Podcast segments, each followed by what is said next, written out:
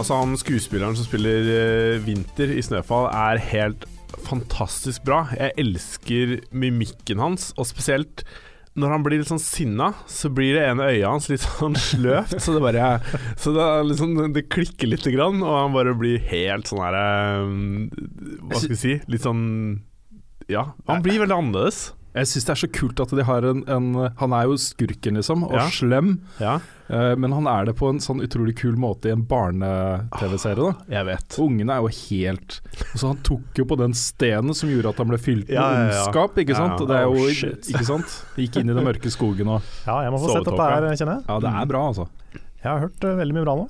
Den Blant annet fra dere. Så. Ja. Nei, av julekalender jeg har eh, sett, selv om alle snakker om eh, gode gamle dager og Skomakergata og gud veit ikke hva. Dette er det beste jeg har sett av norske julekalender. Pisse på Snekker Andersen. Eh, Ja, faktisk. Mm. Ja, utrolig bra. Ja, folkearva vår. Driter. Ja, fy fader. Nei, men det, er mye, det er mye sånn nostalgi med barne-TV Mm. og julekalender og sånne ting. Det er sånn Alt var bedre før. Men det er ikke helt sånn lenger. Altså. Nei, Nei, det er ikke det. Det er vel, de har vel hatt noen litt sånn halvveis dårlige kalendere opp igjennom, men eh, det har jo blitt veldig bra igjen. Det er så kult å se at den nye TV-revolusjonen med Netflix og HBO og bla, bla, bla har inntatt eh, julekalenderne også. Ja. Det er kjempedeilig. Ja, nå kan jeg gå tilbake og se episode én av julekalenderen. Mm. Det kunne jeg ikke i gamle Ja. dager. Nei, når du vil. Så uh, suck on that, Snekker Andersen. Velkommen. som Eller vil du si Ja, ja, ja vi er jo i podkast. Ja, uh, ja, jeg skulle si en ting til, men jeg kan godt uh... Nei, bare si det, du. Jo, jeg skal bare si det visuelle er utrolig kult. Fordi at når de viser det i den vanlige verden, så er alt veldig sånn grått og litt sånn blått og kaldt. Mm. Også det eneste som har farge på seg, er hun hovedrollekarakteren og en, en av birollene. Ehm, så når du ser det i alle bildene, og sånn, så er, ser du henne veldig tydelig overalt. Og det er utrolig kult at de har så bra visuell stil på en julekalender. Mm. Og når du kommer til julenissen sånn, så er alt liksom bare fargeeksplosjon. Så det er sånn her, eh, utrolig kult, altså. Mm. Yes. Visuell fortellerteknikk Ja. er det noe som heter. Ja, Det lærte vi på skolen. ja, men det er garantert en del av det. Ja. Velkommen alle sammen til Level Backup, podkasten der vi snakker om spill pluss pluss, ja. som regel. Ja. Mitt navn er Karl Martin Oksnes, og med meg har jeg som vanlig Rune Fjell Olsen og Lars Håkon Storm Bakken. Våre to Snøfall-fans i redaksjonen. Jeg er frelst. Ja, jeg begynner å kjenne at liksom dette er noe jeg burde få med. Mm. Det tok jo, jeg fikk jo ikke sett Skam før sånn for noen uker siden.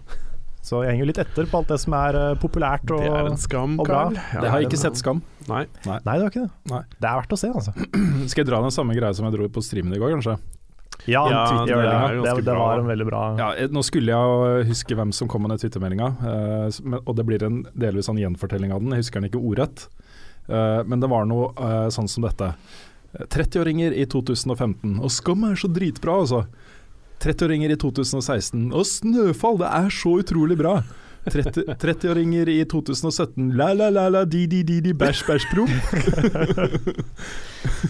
Altså, det er jo noe i det, men jeg Ja. føler uh, på en måte at uh, de produksjonene av f.eks. Skam og uh, den julekalenderen her er er ikke nødvendigvis bare laget for ungdommen. Nei. Selv om det er fantastisk bra at barn og unge har så bra serier. Um, så ja. Men de har skjønt noe viktig, og det er jo litt, litt i samme gate, for bare å trekke det inn i spillverdenen. Litt i samme gate som Super Mario. De har skjønt det at julekalenderen er noe som kan være samlende for familien i Mm. desember. ja. Ikke sant? Hvor man setter seg ned sammen og ser på det og deler den opplevelsen.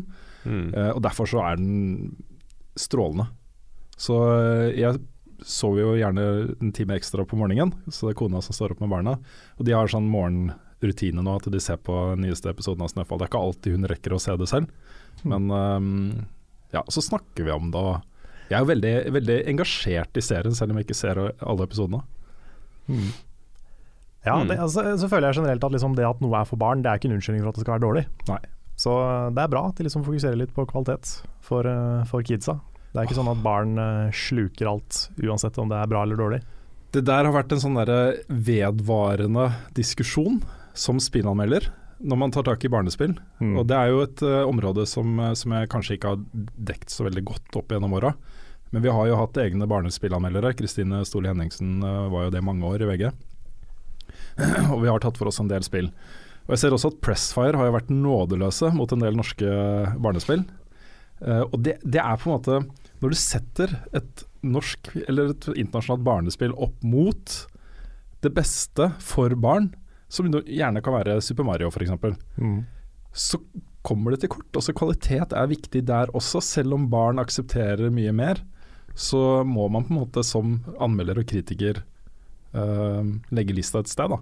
Ja, ja, Mm. definitivt.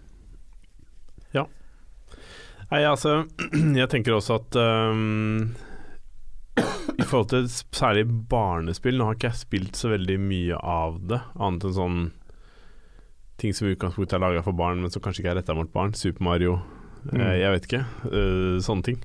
Men det er jo Jeg føler at det kanskje er litt vanskelig for, for noen å connecte skikkelig med hvordan Eller være på et riktig nivå med hva en barnefortelling er. Jeg vet ikke. Ja, det henger seg gjerne opp i litt andre ting enn vi gjør, og Ja, Mm. er ser etter andre ting. Jeg føler jo Disney er jo på en måte kongen av den barnegreia. Ja. Fordi de lager filmer og historier som er Som kan få vel så mange voksne til å begynne å grine, liksom. Mm. Det er jo eh, Mamma var minst like glad i 'Løvenes konge' som meg da vi så den da jeg var liten, f.eks. Ja. Så det er noe med det der å liksom ta barn på alvor og ta, ta den Mm. målgruppa og de historiene på alvor også. Jeg merker så godt også de beste, beste og mest interessante samtalene jeg har med ungene, er jo gjerne om ting som er litt voksne. da. De begynner å bli litt nysgjerrig på det, på en måte. Og det er uh, ja, sånne filmer som det kan jo sette i gang den type prat, da, som Mm. er ganske givende. Ja, skal vi prøve å ro det litt tilbake? Du prøvde jo litt å rote det tilbake på spill. eh, Rune. Jeg gjorde et iherdig forsøk. Ja, Ja. vi, vi får prøve å være litt spillpodkast også, Ja. og begynne med hva vi har spilt i det siste. Mhm. Har noen lyst til å starte? Jeg kan godt um, starte. Jeg um, kasta meg ut i går kveld etter at vi hadde spi spist Jesus. Vi hadde spist Dark Souls 3 Ehm, hot, hot og- stream. Mhm. Ehm, så begynte jeg på The Last Guardian. Og jeg skjønner eh, problemene folk har hatt med det spillet. Mm. Og det er eh, Men jeg har sjelden vært borti et spill som Som griper meg på et så hva skal jeg si, dypt nivå, og samtidig er så frustrerende. Mm. Fordi den derre Det dyret Jeg vet ikke hva man Altså, det er jo Trico, men Noe av det første jeg gjorde Dette her er ikke noe spoiler-greie. Første jeg gjorde, var at jeg skulle gi han litt mat. Og så gir han én ting, og så spiser han det. Og så den andre maten jeg skal gi han, det istedenfor å gi han den, så setter jeg den litt sånn fra meg. Så den, den blir litt sånn utilgjengelig for han. Og så blir han litt sånn så han står og ser litt på meg, skakker på hodet, og så begynner han å sakte, men sikkert liksom løfte poten og skal prøve å få tak i den, der, den maten, og grafser etter den. Og så får han det ikke til. og da begynner jeg, så står jeg bare Jeg blir bare fascinert av å se på hvordan han reagerer på at maten ikke er tilgjengelig for han. Og så til slutt så blir, blir han litt frustrert, for han får ikke tak i den, så han bare liksom God damn it, han sier jo ikke det, da, men han eh, God damn it! det kan ikke noen lage en sånn liten animasjonssekvens sånn der. Ja. Du bare døbber, tankene til, til Trico. Bare sånn her Å, det er mat. Det er mat. Hva, hva skjer nå? Du, har du bare tenkt å sette den der? Du, hei. Hei. Du. Faen. liksom. Altså, og så hyler han med det hylet sitt litt sånn kort til meg, da. Og så er det sånn der, da er det liksom bare OK, greit, jeg skal gi deg maten. Og så kaster jeg fra meg maten, og da skjer det liksom det at han Han grabber maten ut av lufta. Mm. Altså, jeg kaster den liksom basically i munnen hans uten at det var meningen. Og det, det var bare sånn der, Det øyeblikket der var bare sånn der, ja, Nei, det er vi to, da. det er jo liten tvil om det, liksom. Ja. Uh, så du blir jo utrolig fascinert. Og det at han prøver å komme seg gjennom eh, Altså det minste hullet i veggen som han liksom får dytta huet sitt og denne poten gjennom, og bare liksom jeg, Du kommer ikke gjennom der, liksom. Kan du slutte? Um, ja. Um, Jeg har, jeg har installert spillet nå. Ja. ikke begynt på det ennå, men jeg, jeg gleder meg så sykt til å starte med det. Ja. Jeg har en følelse av at jeg kommer til å digge dette her. Ja, det er, jeg tror Første halvdel av spillet er en litt sånn kamp mot deg selv. At du på en måte øh, blir kjent med begrensningene i kontrollsystemet, og at du øh, blir kjent med dyret. mm. Og og det forholdet får lov til å utvikle seg. Fordi det, var, det snudde veldig for meg sånn cirka halvveis i spillet, hvor selv om en del av de tekniske problemene er der, og de er ikke så store som man kan få inntrykk av, det er fullt spillbart, liksom. Ja. Eh, når, når folk snakker om tekniske problemer i The Last Guardian så får folk et inntrykk av at det er helt uspillbart, men det er det ikke, altså.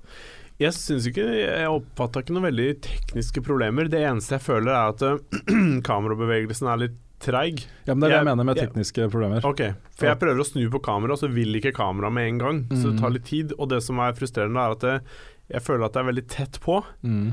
Så når jeg gjør noe og Trico er litt unna, og jeg hører han styre eller gjør et eller annet Det var et øyeblikk hvor han hoppa ned fra en, en hylle, f.eks. og da Jeg klarte ikke å vri kameraet opp og se på hva han gjorde ordentlig. Mm. Og det er litt sånn derre Men jeg vil jo se hva han gjør. Mm. Og jeg vil føle at denne verden her er stor, for det, den er jo det. Ja da. Så det er jo ikke Og det, det er vel kanskje det jeg syns er mest problematisk. At du føler deg litt fanga av det kameraet. Ja, når jeg sier tekniske problemer, så er det det jeg mener. Kamera og også eh, litt sånn monkey kontrollsystem, altså animasjoner. At eh, Ja. man av og til eh, kanskje føler seg litt klønete Ja. fordi eh, kamera plutselig er feil vinkel, og så Ja. hopper du ut. Du Mm. tror du hopper mot en hylle som du skal ta imot, og så hopper Ja. du ut i avgrunnen isteden. på Det måte. høres jo veldig ut som Shadow of the Colossus. Det, ah, nettopp, ikke sant. Som også var det samme. Jeg husker de første to-tre kolossene der. Så var jeg jo også for så vidt eh, sånn stadig tilbakevendende. At man uh, drev og klatra på en koloss, og så ramla man av. Mm. Mm. Fordi man ikke Altså, det var ikke responsivt nok til kontrollsystemet, da. Mm. Men jeg fikk litt en følelse at det skulle være sånn fordi når jeg var litt mer slow og gjennomtenkt i det jeg gjorde, så gikk ting veldig, veldig mye bedre. Mm. Og jeg føler at kanskje det er laga sånn for å, at ikke du skal rushe gjennom ting. Ja, det er snilt av deg, men uh, Ja, det, det kan, mulig, det det. kan hende at du har et poeng. Jeg tror ikke de med vilje har lagd et dårlig Kamerakontrollsystem eh, kamera- og kontrollsystem. Nei. Og det er ikke dårlig, men et uh, ikke fullt så godt. Ja. Mm. Men jeg tror vi snakka litt om det uh, Om det var forrige gang eller en gang for der, husker jeg ikke. Uh, men hvis de hadde gjort det lettere å kontrollere Trico, Mm. så ville det blitt et helt annet spill.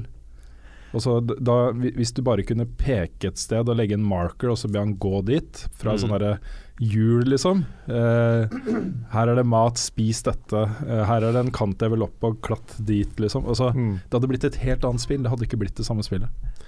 Nei, for Nei, det, det har jo litt med personligheten ikke sant, til det dyret. At Mm. det skal være litt sånn Ja. Det skal være litt vanskelig. Ja, for det er ikke et verktøy for det. det er en følgesvenn, liksom. Mm. Din skjebne og dyrets skjebne er knytta til hverandre. Ja. Og, og hele poenget med spillet er at du skal føle noe. Altså Det forholdet mellom de to skal få deg til å føle noe, ikke sant. Mm. Ja, for det, det overraska meg litt. At uh, Det er vel ikke noen spoiler å si det. At du kommer inn i spillet, og så er det på en måte ikke noe story der. Jeg, jeg, blir litt sånn Du blir, du blir kasta inn i begivenhetens Ja. eh, Dette er også en Ja. spoiler, men det kommer noen eh, en tilbakeblikk. Og okay. storyen får utvikle seg litt. Rann. Den er ikke okay. stor og omfattende, men den eh, plasserer deg uh, veldig godt i denne verden. Ja. Da. Ja, for jeg har liksom Jeg har jo tenkt mine tanker, siden fortellerstemmen ikke føles til å Altså, det føles ut som en voksen mann som snakker, og så er det jo et barn, og han snakker jo jeg, så jeg, jeg vet ikke. Det, vi får se hvordan det går. Det er uh, utrolig kult at det er uh, At det er så lite liksom story, men bare masse følelser og interaksjon. Da. Mm. Men det, det main themet, den musikken, det er kanskje noe av det fineste jeg har hørt. Ja, det er vakkert. Jeg, er når den traileren begynte, før vi hadde, tatt hadde sett noe fra spillet på E3, Mm. Så var det, måtte jeg prøve å ikke begynne å grine. Liksom.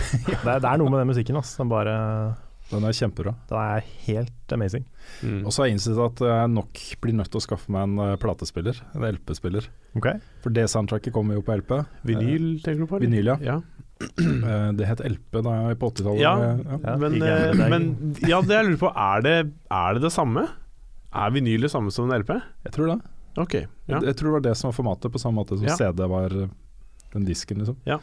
Men uh, uansett, da. Nå, det kommer jo uh, på vinyl. Uh, hele Ocarina of Time-soundtracket med et 64-manns orkester kommer på vinyl. Oi.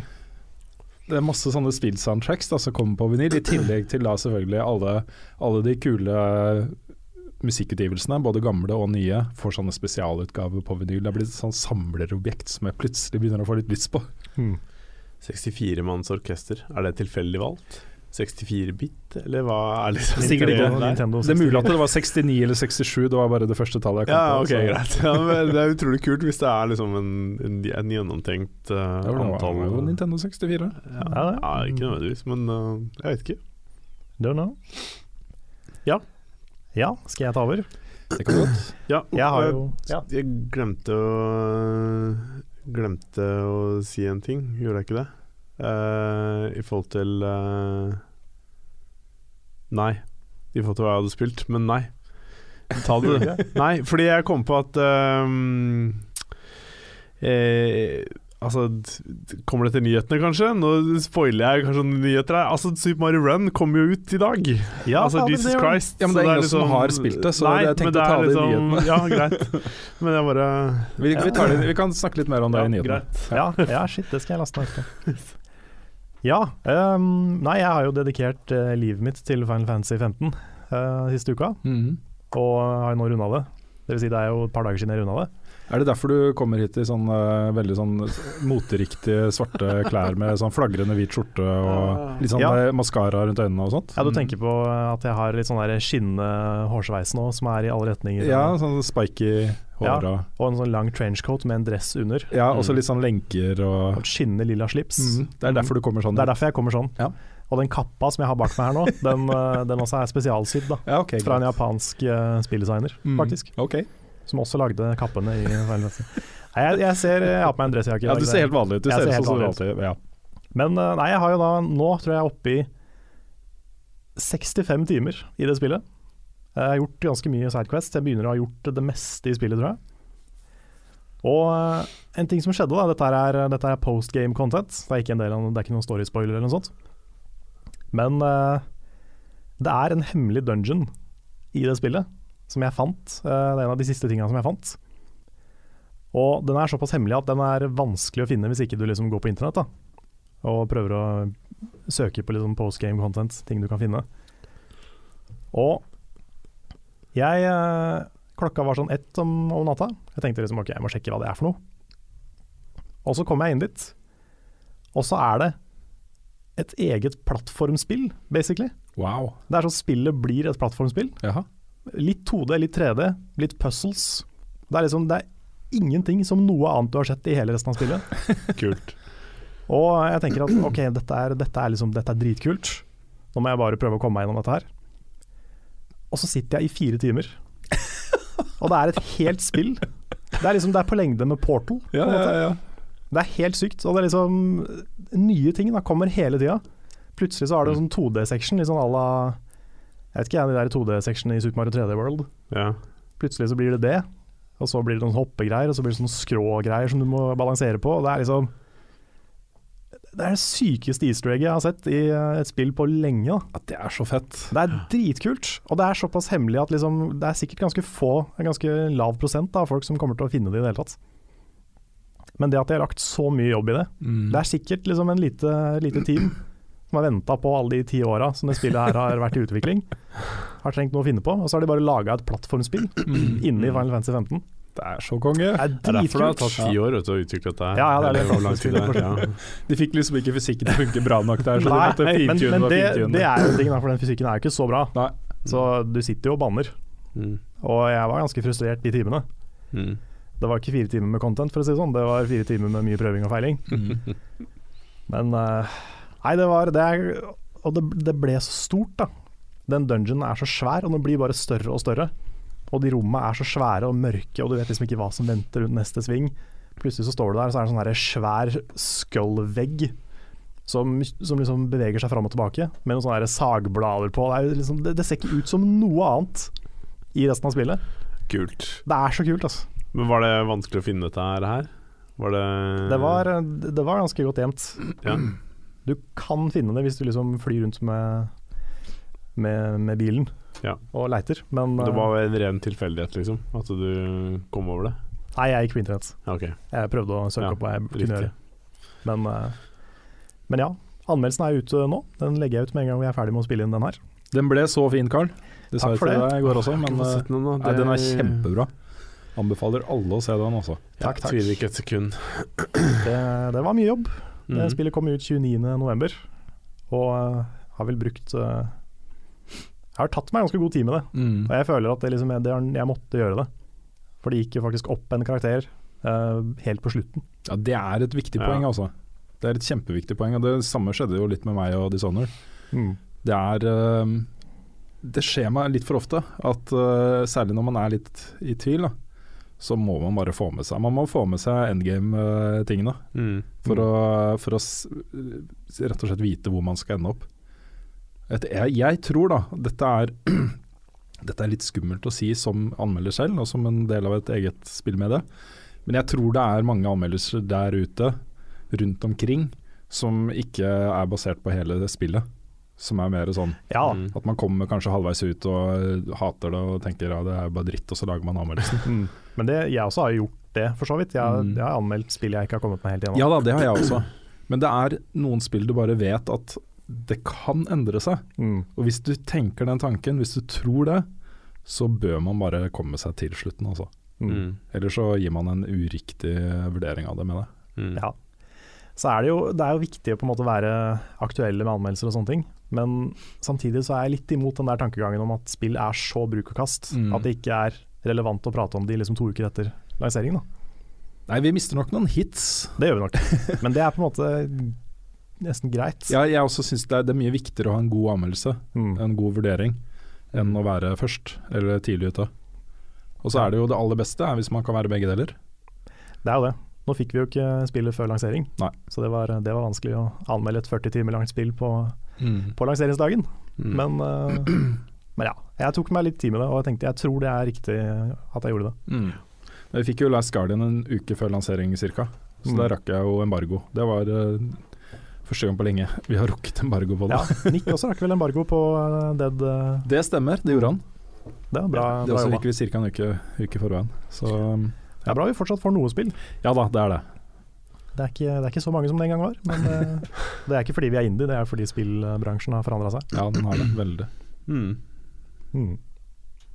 Men ja, jeg, jeg blir bare mer og mer glad i Final Fantasy 15 jo mer jeg spiller det, egentlig. Mm. Og jo lenger tid det går, uh, på en måte, siden jeg spilte det, og siden jeg liksom tenkte på det, så vokser det for meg. da. Mm. Det er, det er så kult. For det er lenge siden jeg har hatt en sånn Siden jeg har vært så engasjert i Final Fantasy. Den serien har vært så veldig opp og ned Mm. de siste åra. Ja. Men uh, nå er jeg tilbake til liksom Holy shit, hva gjør de med 16? På en måte. Mm. Det, er, det er så digg å være tilbake der. Som kommer i 2026. Sikkert. Mm. Det er, ja, det er sikkert ti år på det òg, men uh, det, er liksom, det, er, det er så deilig å være litt gira på det igjen. Da. For eh, 13-serien, de tre spillene der, de drepte jo alt jeg hadde av eh, Final Fantasy-hype, Mm. på en måte. Men nå, nå er jeg tilbake igjen. Mm. Og så er vi faktisk halvveis til Final Fantasy XXX, Det er vi også. så jeg er på internett. Det er det bare å glede seg til. Mm. Det har jo faktisk blitt laga Det har blitt laga en pornoparodi av Final Fantasy 15. Ja, var det ikke noen som anmeldte det? Jim Stirling, tror jeg. Ja, det var Jim Sterling, ja. Mm. Mm, jeg har ikke sett det, men uh, Nei, Nei jeg, har, eh, jeg, jeg har vurdert å se hans innslag, mm. men eh, jeg husker ikke hva han heter. Men det er eh, et eller annet med XXX. Ja. Så de er kjapt ute. Mm. Vi kan jo anmelde den sammen med Oversnatch, kan vi ikke det? jo. Ja, gud, vi skulle anmelde Det det. har, vi har jo snakka om det, det har vært en kjempefin fin video. Det har vært kjempegøy. Bare sensurere alt med Ja, men er den ute? jeg tror den er ute. Ja, altså, jeg får sjekke det opp. Mm. Um, ja. Mm. Ja, nei, men det er meg. Ja, for det første så har jeg jo da fullført Life is Strange nå. Det har du. Det har jo eh, tatt mye plass i både tankene mine og uh, i spillmaskinen uh, de siste ukene. Mm. Jeg har jo spilt et kapittel i uka. Denne uken har jeg spilt to. Så um, gleder meg til å snakke om det. Det skal vi gjøre etter, uh, etter den podkasten her. Skal vi sette oss, så jeg skal ikke si noe særlig om hva jeg syns og sånne ting ennå. Vi sparer det til, uh, til det. Vil du gi en karakter uh, Ja, det, jeg på kan, det jeg i hvert fall kan si, da, er at jeg skjønner Jeg forstår veldig godt hvorfor folk er så glad i dette spillet. Mm. Uh, og at ehm, Jeg har ikke lyst til å si for mye heller. Vel at uh, Carl skal ikke helt skjønne okay. Ja. Vi har ikke snakka om, uh, vi har ikke snakket om uh, siste episoden ennå. Nei, vi skal jo spille inn eh, Film i tull etter dette her. Ja. Nei, så Ikke si så mye, da. Men, Nei, jeg skal ikke si så mye. um, Hvilken karakter ga du det, husker du det? Jeg anmeldte ikke. Gjorde vi ikke det? Nei, jeg hadde det på nei, vi diskuterte det eh, kanskje bare. Mm, jeg Ja. hadde det på topplista mi på slutten av året. Ja. Hva vil du gi til karakterer? Hvis du bare skal si Det er, det er litt sånn spoiler for det etterpå. Ok, greit. Men, men, eh, men det er et, en høy score. Det er en høy score. Okay, og jeg, eh, jeg ehm, Ja, jeg forstår greia. Jeg skjønner, Ja. jeg skjønner, eh, jeg skjønner eh, følelsene det har skapt. skapt. Mm. Godt. Mm. Ja. Men ellers så er jo da Det var litt morsomt, fordi det kommer du til å se på opptakene fra siste episoden. Jeg satte meg jo ned med siste episoden på tirsdag. Og det var jo samtidig som The Dawning kom til Destiny, altså den store vintereventet til Å ja. Destiny. Ja. Så mens jeg sitter og spiller, så kommer det sånn pling, Destiny et eller annet er ferdig lasta ned. Men jeg, til min credit, jeg spilte gjennom hele den episoden, selv om jeg kunne sette meg ned og spille Destiny. Det er bra. Det er Nytt bra. content til Destiny, så spilte jeg ferdig episoden. Mm. Ja. Men eh, jeg har jo spilt masse av den uh, The Dawning-updaten etter det. Mm. Det er jo eh, to sånne hoved... Eller kan si det er tre hovedting som den uh, tilfører. Det ene er Sparrow Racing, som er tilbake, med to nye baner. Så det er fire baner. Uh, og bare det at du har dobbelt så mange baner, gjør det mye morsommere. At det rullerer mer, at ikke det er de samme to banene hver eneste Mm. gang. Og den andre biten er at det plutselig er relevant å spille Strikes igjen, og Nightfall. Det har fått et scoring-system og egne bounties, um, og har blitt ganske morsomt. Så, Kult. Og så er det masse sånne quality of life-justeringer. Som eh, sånne småting som har irritert folk lenge, som de har fiksa. Så det er eh, en god update, altså. Jeg er spent på mye av dette her de drar med seg over til Destiny 2. Ja. Om, de, eh, om de tar all lærdommen de har fått nå og bringer det videre, eller om de gjør enda mer Ja. Det, det er jo det som er litt morsomt for, eh, for oss som fortsatt spiller Destiny, og det er ganske mange av oss. Jeg vil bare få sagt det, det er ganske mange av oss. ja. Eh, det, du ser jo hvordan det spillet utvikler seg hele tiden, og hvor mye de lærer og hvor mye de lytter til eh, tilbakemeldinger og sånne ting. Ja. Og hvor mye de implementerer i spillet. Så mye av det er basert på ønsker og forslag fra folk som spiller det. ikke sant? Mm. Så jeg er helt overbevist om at de tar alt de har lært i Destiny, og ja, tar det med. Men de skal jo lage et annet type spill. Det blir, det blir på en måte en slags uh, reimagining av Destiny-konseptet. Det skal bli et større, mer sandbox-basert spill. Mm. Uh, og det vil jo sikkert føre med Altså ta med seg en serie med nye problemer som må løses Ja, i løpet av ja, de neste to årene. Ikke sant? Ja. Så ja, det blir spennende å se hva de gjør. For jeg syns det er helt fantastisk den utviklingen Destiny har hatt, i forhold Mm. til hvordan det var. For nå så jeg mm, Av en eller annen grunn så havna Destiny-anmeldelsen opp i subboksen min igjen. Ok. ja, den ligger ganske Eh, høyt på min også. For, Ja, min så jeg bare. Hvorfor det? Og så, så tenkte jeg ok, greit, jeg ser den igjen, for jeg minst husker at den var litt morsom og sånn. Um, og jeg bare tenker liksom i forhold til hvordan du snakka om det da, de problemene og uh, ting og sånn som du hadde med dette spillet her. Mm. Uh, særlig det med å spille alene kontra å spille med venner, ikke sant. Når du sier at så kommer Carl, og så ble liksom alt bare Klappa det mye mer, ikke sant. dagen. Ja. Ja. Og det, det, er, det, er, det er kult at de har lagt til så mye ting, uh, hørt på fansen så mye, og endra på ting som har vært nødvendig å endre på. Mm. Og det er jo Tekken King spesielt, etter min mening, er jo et lysende eksempel på, på hva de har gjort. Mm. Ja, Rise of Iron også. Alle de eh, forbedringene de gjorde på PVP-delen, for det er jo det som holder veldig mange igjen Ja. Ikke sant? Med endringen i Iron Banner og i vanlig PVP. Ja. Men det er jo Jeg mener jo helt seriøst at eh, det fins lite på spillmarkedet i dag som er så givende uh, å spille over tid. Eh, men da særlig hvis du har noen faste folk å spille sammen med. Det er ikke like fett å gå inn i Destiny alene, altså. Nei, Nei. det er um, Ja. Men det, det er rart det der med den subboksen. Fordi jeg, jeg får alltid opp hvis jeg, hvis jeg lar Autoplay bare kjøre. Mm. Så er det Smash Bros-anmeldelsen vår som kommer opp ja. for meg. Yes. Så er det sånn Svendsen og meg som anmelder Smash Bros. Kommer stadig opp. Jeg vet ikke hvorfor. Utrolig bra. Ja, Gammelt innslag fra VG, liksom. ja. Så- Det er litt av sånne algoritmer og sånt inne i bildet der, sannsynligvis. Fordi jeg får jo sikkert uh, mer Destiny-innhold fordi det er Destiny-videoer jeg ser en del av på YouTube. Ja, det er sant. Jeg ser ikke så mye på Smash på YouTube. Jeg vet ikke hva, hva det kommer av. Hmm. Nei, det er ikke godt å si. Kanskje det er uh, en av de mest populære videoene våre? Jeg vet ikke. Kanskje. Da er det nyheter, og vi begynner med det, det Lars spoila i, tidligere i episoden. Bastard! Super Mario Run. Ja, man vet du, Jeg merker allerede uh, hvor, hva slags uh, posisjon Nintendo har fått på mobilmarkedet eh, etter eh, Pokémon Go 6N. Mhm. Fordi eh, eh, vi ble jo invitert til å være på Kulturnytt på P2 klokka åtte i dag tidlig. Det var det ingen av oss som kunne. Eh, en av oss kunne ikke, en av oss ville ikke. Er det ikke det riktig å si? Karl? Jo, det er kanskje Men var ikke det, var det, var ikke det på tirsdag? Nei, det var i dag. Ja, var det tirsdag? Ja, det var tirsdag. Ja, ok. Um, også um, I dag har jeg blitt intervjua av TV 2 og av Dagens Næringsliv. Begge to om uh, Pokémon Nei, jeg, Super Mario Run. Super Mario Run. Wow. Så Yes. det er en, Folk går og venter da på eh, liksom Åh, vi fikk jo så utrolig mye oppmerksomhet, og mange lesere og seere på Pokémon Go. Blir det Ja, ja. samme greia med ikke sant? De holder Ja. jo på det, da. Er det, det betyr at hvis vi fortsatt hadde vært i VG, så hadde vi fått lov å dekke to spill. Ja. Det er helt sant. Pokémon Go og Super Mario Run. Mm, kanskje litt VR. Kanskje litt VR. Bare litt. Litt. Men, eh, men det er jo spennende. Det er ingen av oss som har fått testa det ennå. Når vi sitter her i studio, så har det ikke kommet ut. Det har det ikke. Vi sitter bare og venter på det, egentlig. Ja, så det kan jo komme når som helst i dag.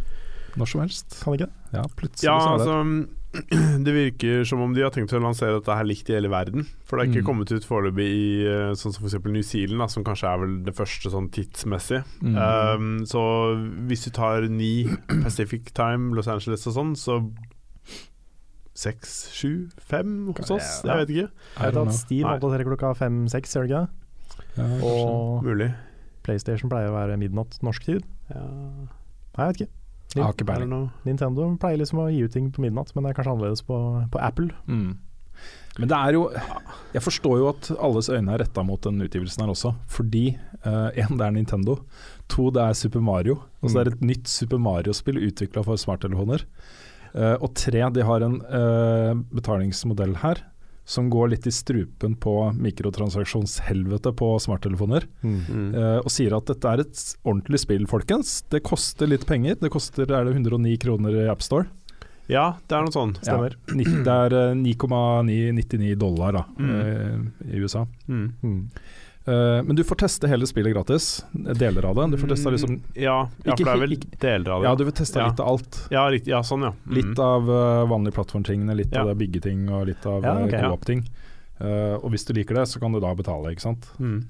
Um, jeg håper spillet er bra. Punkt én, jeg håper spillet er dødsbra. Ja. Og punkt to, jeg håper det gjør det kjempebra. Ja.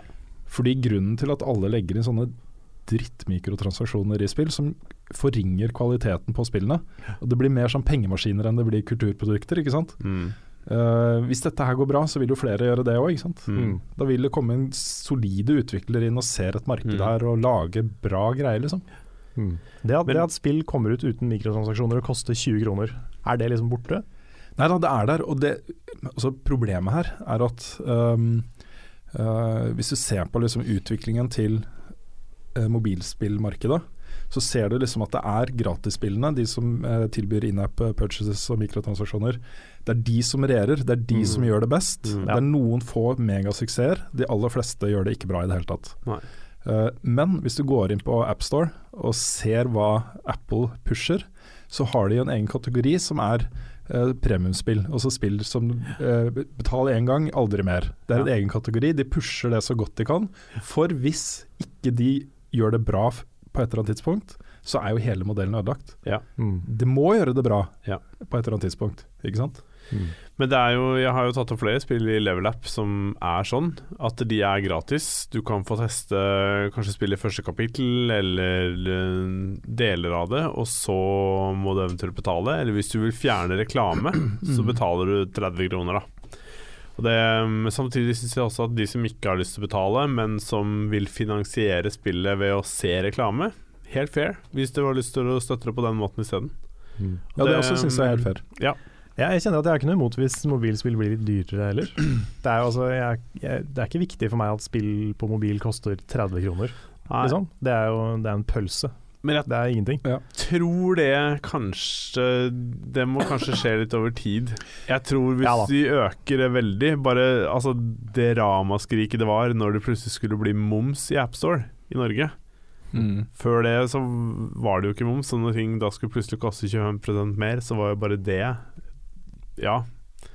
Mm. Problemet her er jo at, uh, at uh, både publisherne, Apple og utviklerne har ødelagt for seg selv ved å omfavne denne gratismodellen Mm. uh, så hardt som det er gjort. Mm. Alle går jo etter, alle ønsker jo å bli nye King.com eller uh, Supercell eller uh, uh, Rovio, ikke sant. Alle vil jo komme dit, det er det de vil. Ja. De vil få en, et sugerør inn i det der milliardsummene Mm. som florerer inn i det markedet her, ikke sant. Mm. Men det er jo nesten ingen av de som lykkes. Nei. Eh, Nei. og da sitter man der bare med et hav av drittspill. Åh, jeg, har, eh, jeg har historier jeg kunne kommet med. Jeg jobba jo med Jeg jobba jo hos noen sånne et halvt år. Siste Mm. halvåret på skolen, eh, på spilldesignutdanninga. Så var jeg hos et selskap som var et av de. De hadde laga en Angry Birds-klone og skulle nå lage noe nytt. Og det var det vi som skulle gjøre. Så eh, Jeg vet ikke om jeg skal begynne å dra de, de historiene nå, men det, er mye, det var mye som skjedde det halvåret som var spesielt. Ja. Ble det det neste Angry Birds? Nei, jeg tror aldri det kom ut. De hadde jo, eh, vi var jo så smarte at vi hadde laga en gruppe med bare designere. Vi hadde ingen programmerere, så Bjørn måtte lære seg GameMaker. Og eh, det her snakka vi om da Bjørn var gjest forrige gang. Men uh, han hadde jo laga det første han laget, den første prototypen han lagde. Det var liksom et bilde av Kim Kardashian og en katt. og så bytte liksom bildet av sånn farge var på kjolen. Og så må du velge farge, og så Hvis du får riktig, så står det 'Vinn rar'. Og det viste vi fram til han fyren, da. Og han gikk jo. Uten å kommentere det? Ja, ja. Og eh, jeg husker også at han, liksom, han brukte lunsj, for noen ganger så fikk vi lunsj, da. Gratis lunsj. Han brukte det som en sånn her Hvis han følte at vi, at vi hadde gjort noe, så fikk vi lunsj. Okay. Hvis ikke, så måtte vi på Rema og kjøpe sjøl. Og vi skulle jo, det vi skulle lage, det var jo at eh, Og dette var på iPhone 3, tror jeg. Han ville ha et fullt 3D adventure-spill i første person med liksom superproffe art assets. Eh, det skulle se ut som et trippel A-spill på konsoll, da på iPhone 3, Mm. og lages i Unreal. Og vi kunne jo ingen av de tinga.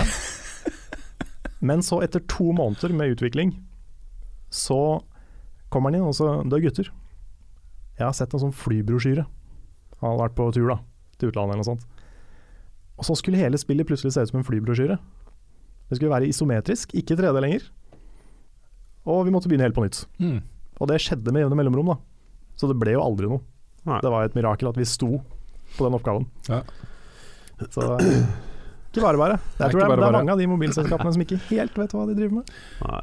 Ja, det er nok det. Samtidig så er det jo eh, Hvis du ser liksom hvordan de opererer, så er det jo eh, mye analyse og mye sånn psykologi. Mm. eh, og mye sånne som kanskje kan ha noe for seg, men som er der liksom av én grunn, og det er jo uh, for å uh, For å finne ut liksom hva det er som trigger spillerne til å bruke penger Mm. rett og slett. Og um, ja. Det er jo for så vidt greit. Altså, vi lever i et kapitalistisk samfunn, liksom, og folk ønsker å tjene penger, og det er ikke noe galt i det. Alltid. Nei. Men, eh, men eh, vi er jo opptatt av spill som kulturprodukter, og Mm. som noe viktig og bra, ikke sant. Kvalitet. Det er jo det Ja. som er vårt ståsted. Mm. Ja. Altså det, er, det er spennende å se um, Hvis du tar de som lager Altså Supercell, som har laget bl.a. Clash of Clans, de, de er vel et sånt selskap som produserer masse spill hele tiden. Mm. Og så tester det, og så er det mange, mange av de som ikke blir noe av. Um, og de har jo virkelig slått an med det jeg tok opp som heter Clash Royale Mm. som er da en slags uh, Jeg ville kalle det en slags Heartstone-klone. Det er ikke direkte det, men allikevel så er det mye likheter. Mm. Og, um, og den har jo gått inn langt over um, Over Clash of Clans Mm. på, på listene. Og det har jo også kommet en egen tegnefilmserie. Hva heter det? Clashorama, eller noe sånt? Okay. Som er gratis på uh, iTunes. Mm. Det er litt sånn som, Så- sånn som 80-tallet på nytt, hvor de Mm. lagde tegnefilmer for å selge leker. Ja. Ja. Nå er det for å selge mobilspill. Og det er eh, Så ja, de har jo tatt noen av sine Ja, ikke Ja. sant, nettopp. Ja. Ja, de også lager mer konsepter ut av det, liksom. Her kommer det jo kinofilm. Eller har den kommet? Ja, den har kanskje kommet, den. Ja, det vet jeg ikke, men uh, ja. Jeg har hørt at den er shit, så jeg har ikke sett den. Nei, jeg har ikke sett den. Aner ikke. Nei, men uh, litt tilbake til Super Mario Run, da. Så er det jo utrolig spennende å følge med på hva som skjer nå de neste ukene. mm. Um, ikke bare uh, den betydningen det kan ha på, på øh, mobilspillmarkedet, men også på liksom, Nintendos satsing der. Fordi Nintendo har jo så mye bra håndholdte spillkonsepter. Mm. Uh, de har så mange muligheter til å ta en svær del av den kaka. Mm. Nå kommer jo um, Fire Emblem. Eller Ja, var det Fire Emblem er et veldig bra spill å sette på mobil. Ikke sant? Og de kunne jo egentlig Egentlig kunne de porta begge de to DS uh, Zelda-spilla, som bare bruker touchscreen, Ja, ikke sant? til mobil. Ja. Det, det hadde ikke mista noen ting. Nei. De hadde jo også Advance Wars, som også hadde egna seg innmari bra på smarttelefoner. Dritbra multiplayer. Og Mm. True that. så er det vel Harvest Moon, da, som får uh, også et uh, smarttelefonspill i 2017. Ja, så Så- An- Animal Crossing, ja, var det ikke? Animal Crossing var det selvfølgelig, ikke ja, Harvest Moon. Ikke Harvest Moon. Ja, for det um, Ja, det var det jeg skulle til å si òg. Harvest Moon jeg, jeg satt og tenkte på um, Stardew Valley. Stardew Valley, Mm, ja. Nettopp. Den, er- den kom ut til konsollen. Det hadde vært uh, kult å ha hatt til uh, mobil òg, men det er kanskje litt vel mye å ønske seg. Mm. Ja, men jeg gleder meg i hvert fall til å spille Super Mario Run. Det er jeg utrolig spent på. det Ja, same. Vi skulle, nesten, Ja. vi skulle nesten spart streamen i går til i dag. Og Ja. bare streama Super Mario Run i Ja. to timer. Ja, du kan streame det i dag òg.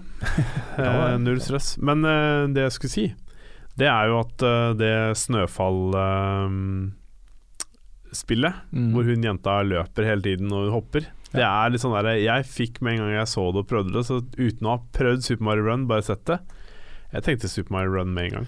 Ja, så Super Mario Run han beveger seg jo eh, bortover Mm. eh, på samme måte som eh, de gamle Mm. eh, Super Mario-spillene i 2D. Mm. Uh, Snøfallspillet hun beveger seg oppover, ikke sant. Ja, men hun løper fortsatt fra side til side, så Ja. treffer hun en vegg, så snur hun. Ikke sant? Og så kan hun hoppe og dobbelthoppe. Og det er veldig sånn eh, Ja, det er ikke helt det samme, men allikevel så er det sånn Det er jo en eh, sånn sinnssykt bra, altså. Ja, det er i ferd med å, å utvikle seg et sett med sånne konvensjoner for gode Mm. eh, mobilspill nå, Mm. som tar utgangspunkt i at du skal kanskje bare bruke én finger.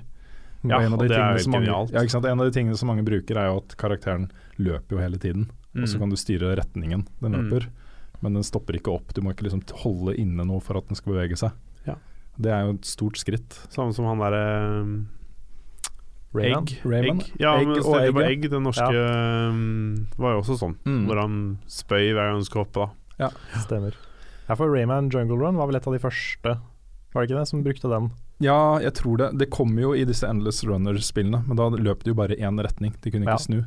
Nei, Sånn. Cannabalt for eksempel var et av de første jeg testa. Mm. Robot Unicorn Attack og Ja. så, så det var en serie med sånne spill. Mm, Så jeg ja. husker ikke Jeg vet ikke hvem som var den første som tenkte at hva? Hva om figuren snur seg? Ja, ja for det, det blir liksom et plattformspill Ja. mer med en gang. Mm, det gjør det. Ikke bare en sånn endless uh, fortsett, fortsett til du dør. Mm. Chameleon Run var det første jeg tok opp nesten i den spalten der. Det, jeg, jeg elsker sånne spill. Ja. Det er så lett addictive å sitte og trykke og gjøre ting. Og når de har forskjellige typer gimmick, og det at de klarer å finne på sine egne ting med disse spillene også, er dritbra. Mm. Så I agree. Er det ikke Agens som har lagd både egg og snøfall? nå spør du mer enn jeg kan svare. Jeg, jeg kan uh, sjekke det opp, uh, og så kan jeg komme tilbake til deg på det. Vi kan, Um, vi kan ta neste nyhet imens. Ja, eh, det blir litt sånn Nintendo-spesial her. Det er masse Nintendo-nyheter. Okay. Eh, jeg, jeg vet ikke hvem jeg skal begynne med, men jeg kan begynne med denne. Eh, Google har jo kommet med sin um, oversikt over de mest brukte søkeordene i 2016 på Google. Vi tipper Pokémon er høyt oppe. Pokémon Go nummer én. Ja. Um, nummer to er iPhone 7. Tre Donald Trump. Og så kommer Prince. Powerball. Det er vel den derre lottotingen i USA, tror jeg. Powerball. Powerball. Det har jeg ikke hørt om. Jeg tror det er den derre megalotto-greia, jeg er ikke sikker. Altså. Hmm. David Bowie, Deadpool, Olympics. Så noe som jeg, jeg ikke vet om jeg tør å søke opp. Slither.io. Er det noen som vet Mm. hva det er? Nei. Ja, er ikke det en sånn øh, Er ikke det samme som det der hvor de, sånne ballene de skal ete hverandre større? Eller er det ikke det? Nei, det vet jeg ikke. Ja, ok. Og på tiendeplass Um, Suicide Squad. Ja. Men er det, det er topp søk generelt? Topp søk generelt. Så ingen av de er porno? Ingen av de er porno. Wow.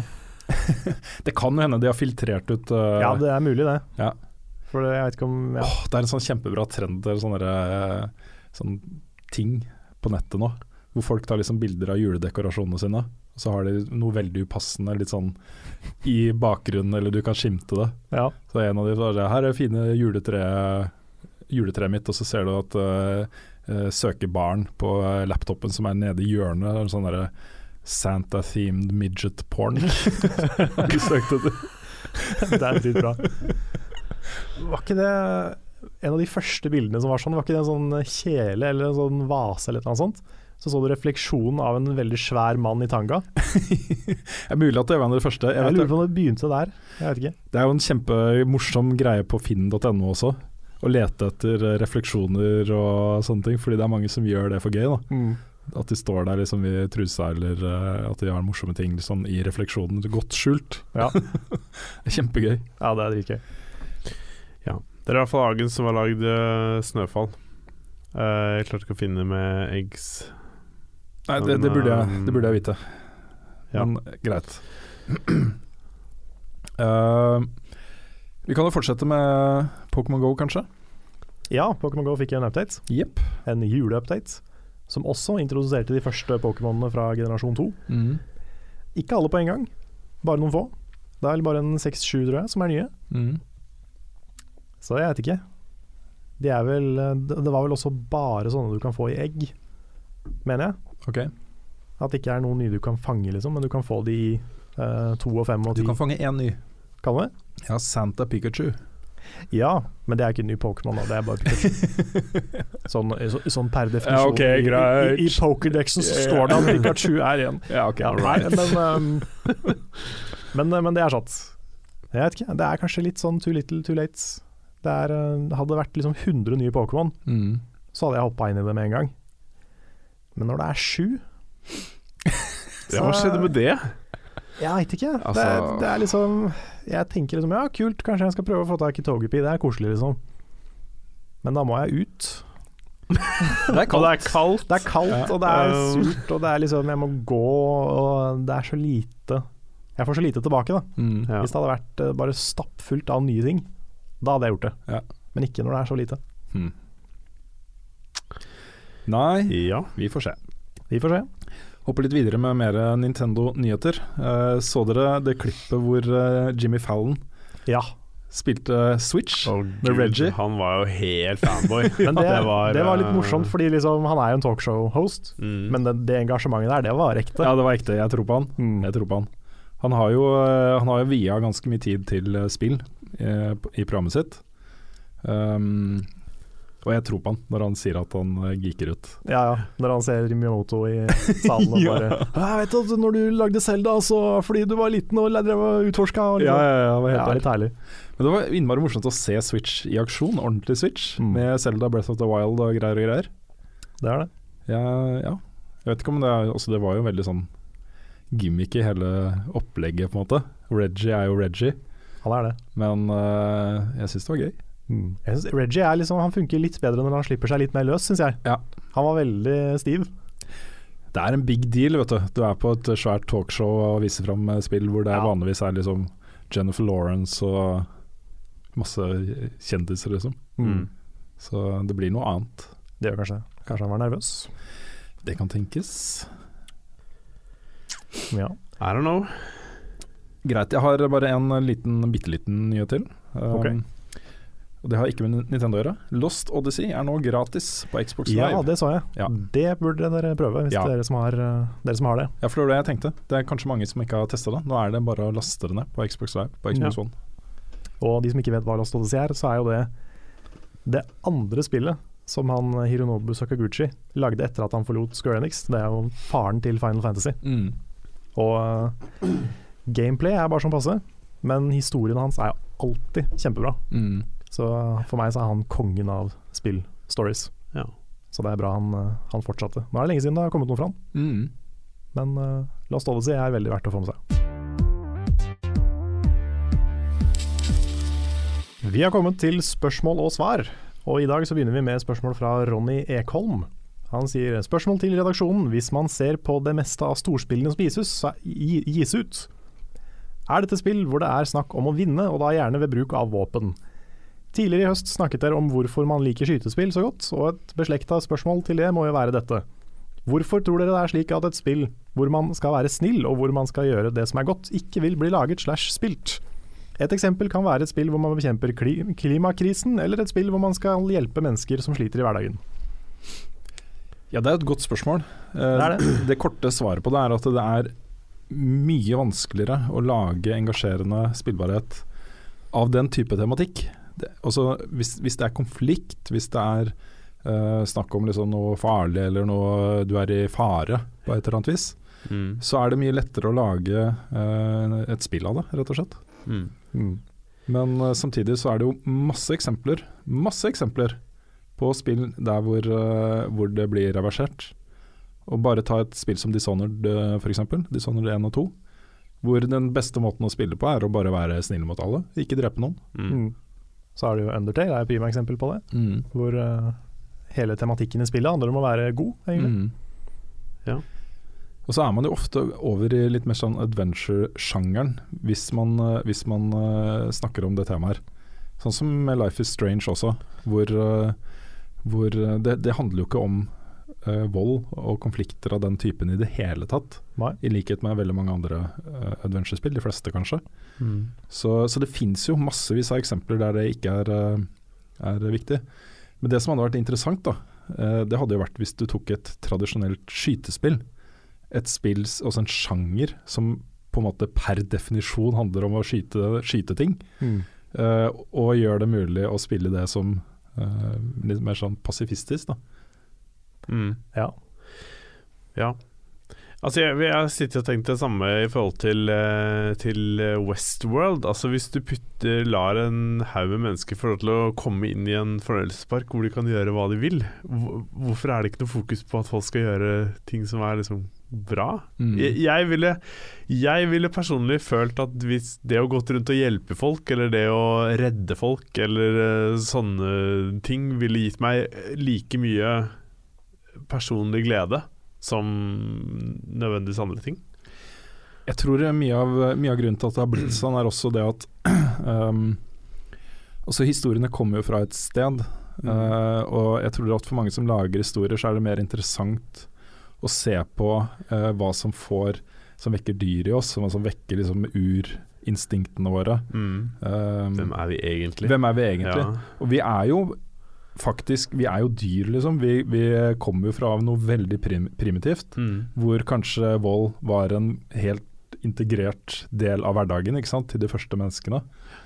Um, og vi, må, vi har jo gjennom liksom sivilisasjonens fremvekst undertrykket veldig mange urinstinkter, som vi kjenner igjen liksom, i, i mye av atferden vår. Da. Mm. Uh, at vi ser nyanser av det. Så det at vi har liksom lover og regler, og man kan bli straffa for å drepe noen Mm. De tingene må jo være på plass, for hvis ikke Ja. det hadde vært det, så hadde nok flere latt de der eh, greiene komme ut, kanskje. Mm.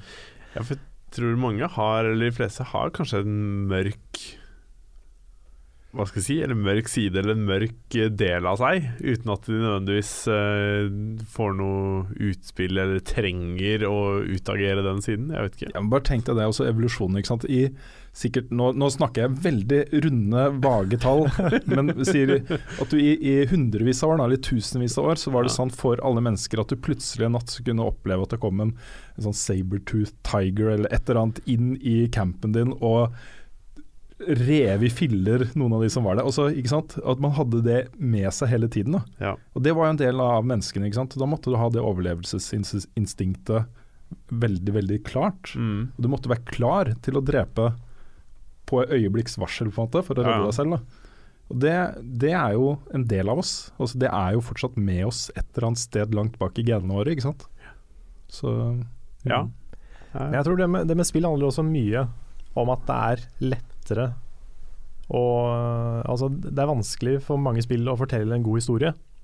Og det er veldig lett å unnskylde en ræva historie hvis du har mye bra action. Mm. Uh, og det er litt sånn Michael Bay-fenomenet, at det er veldig mange Michael Bay-spill. Det er det.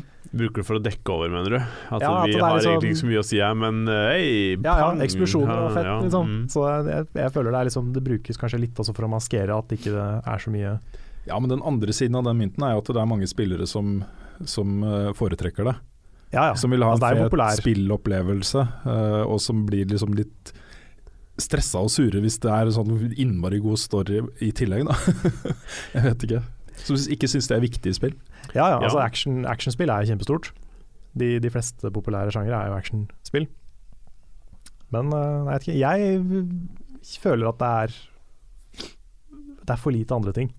Det er for få alternativer til det. Mm. Og at vi, vi burde ha liksom flere større spill i forskjellige sjangre. Men uh, Men ja. Vi har, jeg føler vi har liksom nok, nok av det ene. Vi bare Ja. har mer av det andre også. Det gjøres, jeg syns det gjøres veldig mye eh, på det å utforske uh, andre måter å spille på, andre konflikttemaer og sånne ting. Um, så jeg er ikke bekymra for at det ikke skal bli viktig i framtiden heller. Jeg, jeg tror det er, eh, kommer til å bli kanskje ikke like populært som COD på sitt største, liksom, men eh, at det vil finne sitt marked, og at eh, det vil være nok å velge mellom. Hvis du er interessert i litt mer eh, sånn mildere content, da. Ja, altså Ikke nødvendigvis mildere, men bare annen tematikk. da. Ja. Jeg kjenner at jeg er litt sånn Jeg begynner å bli litt forsynt på sånne klassiske Power Fantasy-spill. Jeg, jeg, det gir meg ikke noe særlig lenger. Rett og slett. Nei. Nei. Nei, jeg syns fortsatt det kan være dritgøy, men Ja, vi- vi spillet er bra, selvfølgelig, ja. men uh, bare sånn generelt, da, som et, uh, som et konsept, Mm. så føler jeg det er liksom Ja, det er gøy, men jeg har sett det før. Jeg har Ja. sett det mange ganger. Det kan på en måte ikke være bare det for meg lenger. Det må være noe annet også. Ja, jeg også trenger noe mer. Ja. Det må være enten noe kult jeg ikke har spilt før, eller en uh, stilig setting, eller en bra historie, eller et eller annet. da Mm. Jeg blir ikke, jeg blir ikke solgt på et spill bare fordi det er kul, kul action i det. Nei, det, det gjør ikke jeg heller. Nope. I agree. Det er ikke så veldig mye mer å si. Jeg har et, et par bra spørsmål på Patreon her som jeg tenkte jeg skulle ta. Ja. Ok. Det ene er fra Gring Gorilla, som eh, jeg kjenner fra gamle dager. Veldig aktiv på VGD-forumet. Okay. Så vi har snakka mye Jeg vet ikke hvem han er egentlig, men eh, jeg kjenner han bare som Gring Gorilla. Mm. Uh, han skriver Siden du var borte forrige gang, så håper jeg du kan svare denne gangen. Hvordan balanserer man familieliv med sin lidenskap for gaming? Jeg ble far for første gang for noen måneder siden, og det virker som om hobbyen min blir mer og mer tilsidesatt. Og Så skriver han at han gjerne vil ha svar på spørsmålet til eh, Erik Nyberg Skilnad også, så håper dere svarer på det. Den skal ta etterpå. Ok, Og Erik er jo en fyr jeg spiller mye med. ja. Mm. Um, ja, det er ikke så lett. I hvert fall altså, som nybakt far, så var det jo Da ble jo spilling Jeg var jo heldig da jeg kunne jo spille i arbeidstida. Det var jo den beste tida på døgnet. ja. ikke sant, Jeg satt på jobb og spilte. Um, men den første tida hjemme er jo unntakstilstand. Så mitt første eh, svar må bare være å holde ut. det er eh, det første året kanskje, eller halvåret, er tøft uansett, liksom. Altså det, er, det å finne tid til seg selv der er nesten umulig. Så bare sett det litt på pause. Men eh, den store endringen blir jo når ungene begynner å legge seg til vanlig tid. Og da, med vanlig tid så mener jeg fra sånn seks-sju-tiden.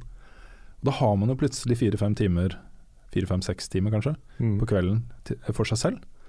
Um, og da er det fullt mulig å opprettholde en uh, spillhobby. Du kan til og med både spille et par timer og se en uh, serie med, på Netflix med kona Ja. eller dama. Du kan gjøre begge deler. Men det er viktig for meg, da. Det har vært kjempeviktig for meg å ha den tida for meg selv også på kveldene. Mm. Og det har jeg bare tatt. Mm. Tatt for deg. Jeg har det også. så ja. Det man Men så er det, ikke sant? Jeg har jo uh, noen timer på døgnet som er fredag. Og Det er jo på morgenen med frokost og unger skal i barnehagen og sånne ting. Så er det på ettermiddagen, de kommer hjem, middag, uh, barne-TV, pusse tenner, legge seg. Alt utenfor er jo på en måte min tid, da. Eller vår tid. Mm. Min og kona sin tid. Så, så det, går- det blir bedre, Gringorilla. Det skal jeg love deg. Um, og det bringer meg litt over til spørsmålet til Erik. Eh, han heter Erik Nyberg Skilnad, eh, og spørsmålet er jeg lurer på hva dere anbefaler av spilltitler for å introdusere spill som legit underholdning til en kone som ikke er vokst opp med spill. Forsøk, forsøkte nylig Firewatch, holdt dessverre ikke på oppmerksomheten. Tenker kanskje i retning interaktive fortellerspill fremfor Bloodborne og Pokémon. Hjelp! Lei av å snike meg unna for å spille. Ja, jeg vil ikke begynne på Bloodborne. Nei, ikke på Bloodborne. Pokémon. Ja, ikke sant. Um, det vil si kanskje Pokémon eh, kunne funka, men eh, det kommer veldig an på. Mm. Jeg vil kanskje, altså En ting som jeg nesten har vurdert det, Jeg har jo skjønt at det ikke kommer til å funke, men jeg har vurdert å introdusere mamma og pappa for Her Story. For det er liksom Det er et spill, men det er såpass langt utafor tradisjonelle spill Mm. at det er mer en sånn interaktiv detektivgreie. Så det tror jeg det er mulig for folk som ikke er inne i spillet i det hele tatt, å Mm. få litt ut av. Ja, det tror jeg. Eller The Witness. Ja, jeg satt også og tenkte det, Mm. men uh, det kommer litt an på hva slags øh, person hun er, da. Jeg tenker, Hva liker hun? Hva, hva liksom, det er vanskelig å si foreslå noe uten å vite noen ting. Ja, for du kan jo gå litt inn i sånn filmsmak, TV-seriesmak, Ja. kanskje. Mm. Finne noe som er litt i gate med Jeg vet Ja, ikke. ja, for litt utfordringen her, eh, det er jo at hvis du skal ta narrativ, eh, altså spill med et narrativ og med, basert på forteller, altså det er en historie der du skal følge med rollefigurer og dialog og sånne ting. Mm. Mange av de historiene er ikke så gode som vi tror.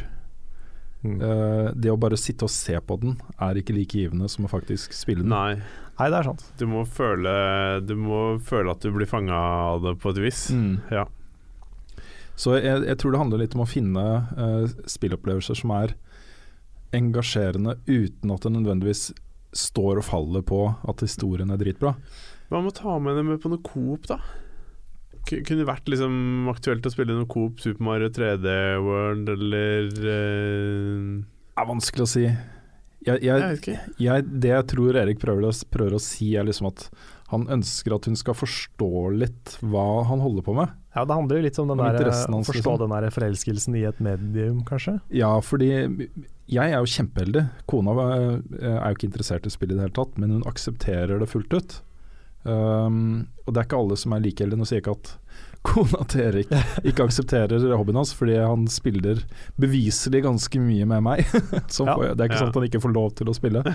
Um, men eh, jeg vet ikke. Hva med som Portal eller den type interaktive opplevelser som har en utrolig kul story, men som avdekkes på en måte litt gjennom Ja, hvis, hvis hun skal spille, så tror jeg Portal er veldig bra. Kanskje aller mest Portal 2. Ja, kanskje. Fordi Portal 1 er vanskeligere og mye mer sånn der uh, Twitch, du må være kjapp og du må Mm. Så hvis man ikke har spilt i det hele tatt, så tror jeg Portal 2 er et bra sted å begynne. Mm. Men å se på Portal 2 er kanskje ikke så gøy. Jeg vet ikke, hvis man sitter og, og det som, også Akkurat den type spill, da, som også gjelder The Witness.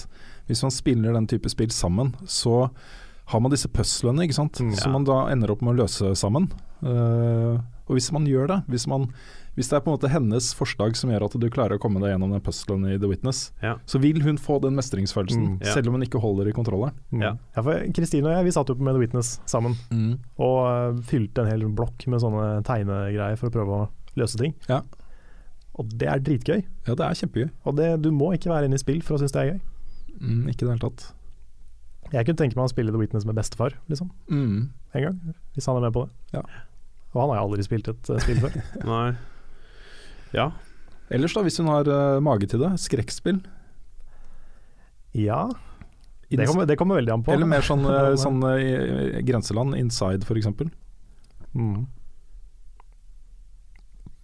Ja, kanskje. Ja. Det er vanskelig. Eh, Jeg føler at det å skulle overbevise Hvorfor trenger han å overbevise henne? Er det fordi han veldig sterkt selv føler at øh, han trenger den aksepten, eller øh?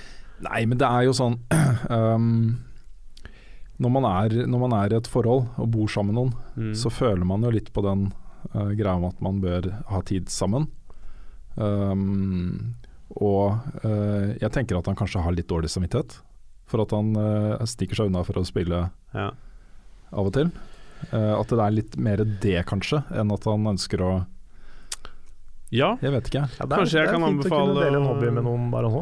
Ja. kanskje kan anbefale å overraske med En bedre middag fra tid til annen. Ja, men det er jo sånn vi har det litt hjemme, da. Jeg vet ikke. Nei, altså, det var bare Ja. Jeg, jeg er Altså, både kona og jeg er litt glad i å være ha et egen tid. Uh, og holde på med våre ting, liksom. Så vi har ikke sånn stort behov for å være sammen hver eneste ledige time.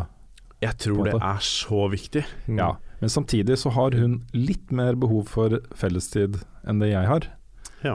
Så, så der, eh, særlig i perioder hvor, uh, hvor jeg runder Dishonored to-tre ganger og The Last Guardian og spiller Life is Strange på en og samme uke, så blir det jo mye meg-tid, liksom. Ja. For mye. Ja. Så jeg er, ikke, jeg er ikke så flink da til å, til å ta den pausen og trekke meg tilbake.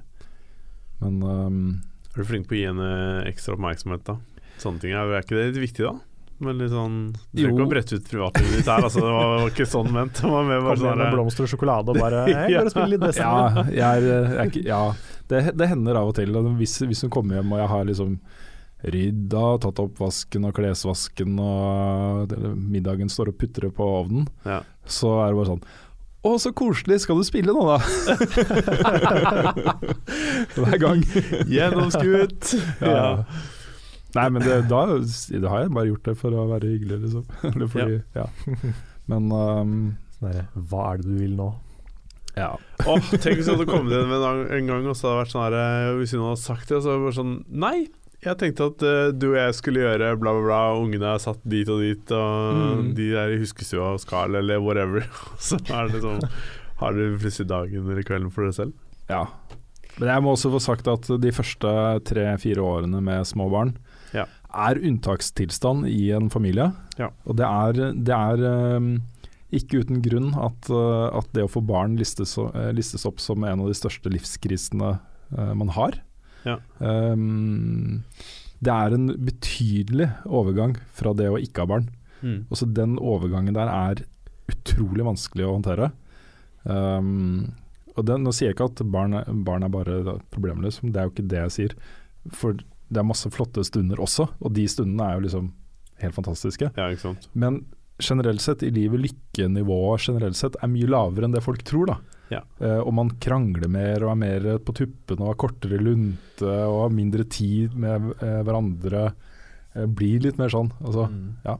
Veldig mange skiller seg jo eh, i den perioden. Mm. Så eh, det er en viktig periode å på en måte komme seg gjennom, liksom. Bare være klar over at ting blir bedre. Mm. Ting er liksom kjempebra hjemme nå, liksom. Så, Mm. Ja, altså jeg tenker Kommer man gjennom det, så er man litt styrket også. ja, og har er det. sånn, da har man på en måte liksom kommet over en slags uh... Ja, jeg sa det til kona her om dagen. ja. At, uh, at uh, det at vi har klart å komme oss gjennom liksom, dette her sammen, og s står nå på andre siden av det og kan puste litt ut og få litt av liksom, oss tilbake igjen, Ja. Helt fantastisk. Ja. Det føles veldig godt. Det tror jeg på, ass. Mm. Kloke ord fra, fra Rune, som har gått gjennom alt dette her. Det er det livserfaring gjør med deg, vet du. Ja, ja. Du blir Vi, vi sitter her, vi har jo ikke noe peiling på hvordan det er å ha barn. Ja, nei, altså Nei, faktisk ikke. Jeg har liksom sett bare de gode stundene. Når jeg får lov til å bygge Lego med nevøen min, eller sitte og spille dinosaurspill med nevøen min, for Mm. og sånne ting. Det er jo bare nydelig. Ja, Altså- Når Rune tar med Mika til meg, så bare 'Å, det er Carly!' Ja, det er bare sant? kjempekoselig. Ikke Det var jo en gang som jeg har vært på besøk hos deg og vi dro derfra. Det tror jeg kanskje jeg har nevnt i podkasten for, for lenge siden. Ja. Pappa Hva er det du sa? Sa jeg kan Carl få Ja. lov for å være pappaen min? Kanskje Carl kan være pappaen din. Carl kan være Det er jo veldig koselig Ja. for meg, det er kanskje ikke fullt så koselig for deg. Jeg tror ikke hun legger eh, Nei, nei, nei, nødvendigvis det i det. Men det er jo veldig sånn der, Er du klar over hva du egentlig sier nå? Nei, men altså hun, hun har jo eh, sett mye av det på video. Jeg snakker jo mye om hva jeg gjør på jobben og Mm. forteller om sånne ting, liksom. Så de har jo et forhold til deg eh, fra før. Så, så det er sikkert en sånn derre Jeg liker Carl veldig godt. Mm, At det er det han egentlig sier. mm. Jeg tar meg ikke nær av sånne ting i det hele tatt. Nei, det var ikke er Når bare, eh, bare sønnen min kommer og sier liksom 'Jeg liker ikke deg'. Så jeg er ikke sånn Det er ikke sånn på gråten og 'Hva mener du, jeg liker du Jeg er ikke sånn, liksom. Så jeg, 'Å nei, hva, hvorfor ikke det?' ikke sant? Mm. Ja, barn er jo sånn. De- Barn er sånn. Ja. Greit, skal vi si at samlivsspalten eh, Level Backup eh, Det, det kan vi gjøre. Vi kan, over for denne gang? vi kan gå over til noe annet fra Espen Tveit her. Uh, apropos bilde, du la ut et bilde av Frank West som tar selfies med masse, eller Ja. selfie med masse zombier. Mm. Uh, hva er tingen med selfietrenden i spill de siste årene? GTA, Watchdogs, Dead Rising, ja til og med Windwaker. Why får vi ikke nok selfies utenom spillverden? Det er jo en veldig aktuell ting, da. Det er jo en ting som har blitt et fenomen, nærmest. Mm. Og det at de bringer det inn i spill, tenker jeg vel mer er en ting som gjør at kids kan relatere seg. Jeg vet ikke. Jeg syns det er funny. Eh. Jeg syns det er morsomt. Ja, noe av det er morsomt. Og så syns jeg også at du Du lager et slags bånd mellom deg og spilleren uh. ved at en, en rollefigur du styrer, snur seg liksom, og så ser inn i kameraet og holder opp den og tar det bildet, liksom. Ja. Jeg syns det er veldig gøy når det gjøres litt på tull, Ja. fordi det er jo litt teit å ta selfies, egentlig. Mm. Uh, samtidig som alle gjør det. Ja. Så det er en sånn, litt sånn, der, eh, sånn rar ting som vi gjør. Og jeg syns det er litt gøy med spill som poengterer det. Mm. At uh, ok, nå er jeg her, nå skal jeg bare snu meg og smile til mitt eget kamera. Det er ingen Ja. mennesker med meg, det er ingenting som skjer. Det er bare, dette er bare et bilde av meg med noe kult. Altså. Det hadde vært tenkt så gøy det hadde vært i Doom. Det, hadde vært, det hadde vært kjempegøy. Dritmorsomt. liksom Ja, du står der foran svær Ja. ja. boss, og så bare Hei! Men det, noe av det morsomste Se hvor jeg har er. sett, Ja. Noe av det morsomste jeg har sett, det er jo i, i Windwaker. Mm. Når eh, du, du har den derre sykt spennende store siste kampen mot Ganondorf i, i det spillet. Spoiler alert. Ja, det, det Windwaker må dere ha spilt nå, altså. Uh, Har ikke spilt det? Og, og spoiler alert, Ganondorf er med. Ja, Selda, liksom. Ja. Uh, når da Game Grumps uh, løper rundt på den, der, på den kampen og prøver å ta en selfie med Ganondorf i bakgrunnen, det er kjempegøy. Kult. Så ja, ofte er det morsomt. Mm. Det er ikke alltid det er morsomt, men ofte er det morsomt. Ja. det er gøy, sånn som i eksempel eh, Dead, Dead Rising, da. Når han står der og har det gliset, og der kryr av liksom sinte, seriøse, eller seriøse zombier i bakgrunnen, liksom. Det er jo noe surrealistisk ved det.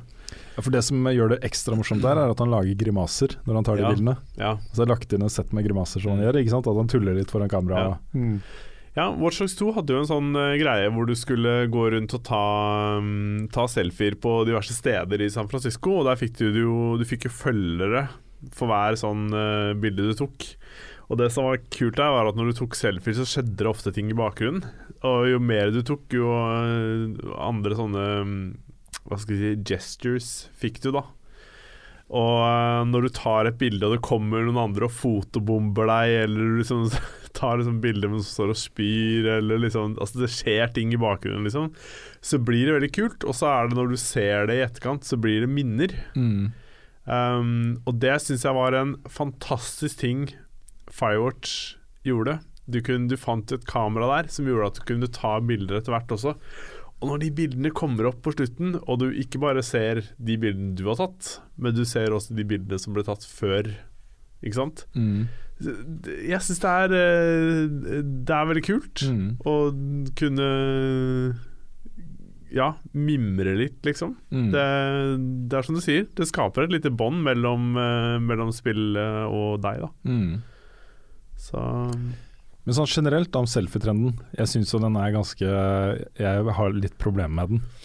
Okay. Jeg tar ikke mye selfies. Jeg gjør det noen ganger hvis det, er til, uh, hvis det har en litt sånn funny effekt. da.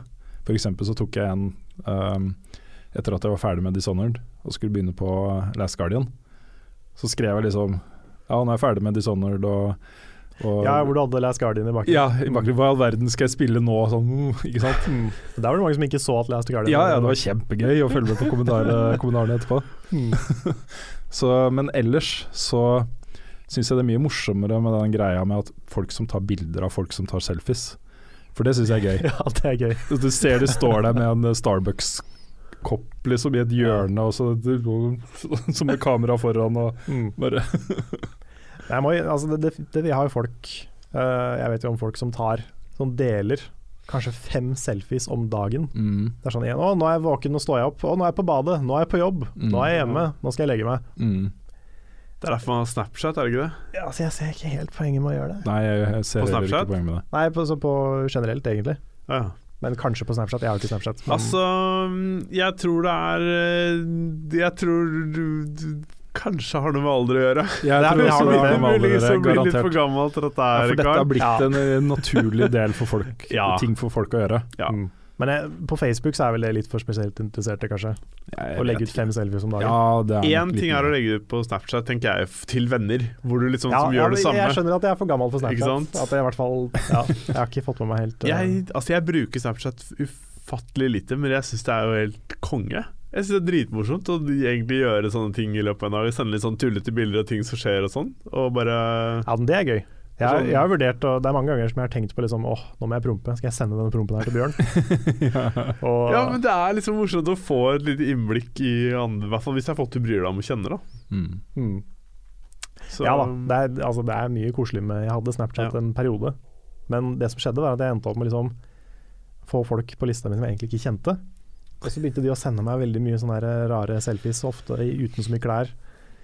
Og da ble det for kleint for meg. Mm. Så da bare Nei, vet du hva, dette, er, er, eh, dette går ikke. Nei. Nei. Nei. Det er greit. Men jeg skjønner at jeg har hatt en litt, litt spesiell Snapchat-opplevelse. Mm. Oh, jeg så et annet fantastisk galleri på Imgur her om dagen. Hvor, eh, hvor da damer eh, og noen menn hadde tatt bilde av seg selv i speilet, i sexy poses og med litt cleavage og sånne ting. Og temaet der var da hva skjer i bakgrunnen og hva skjer i speilbildet og sånne ting. Det var jo mye folk som satt og dreit på do, f.eks. I hjørnet der bak der. og ting som de hadde glemt å legge bort og sånt. Det var kjempemorsomt. Står de og prøver å være sexy, og så sitter øh, broren deres eller callen deres og driter på dass ved siden av. Kjempemorsomt. Ja, ja. Hmm. Ja, det er humor. Det er stas. Det er vel litt, uh, litt humor. Uh, Jeg tar et spørsmål her fra Sigurd Sigurdsson jeg er på Patreon. han sier at han elsker Fyll med tull-spalten øh, vår.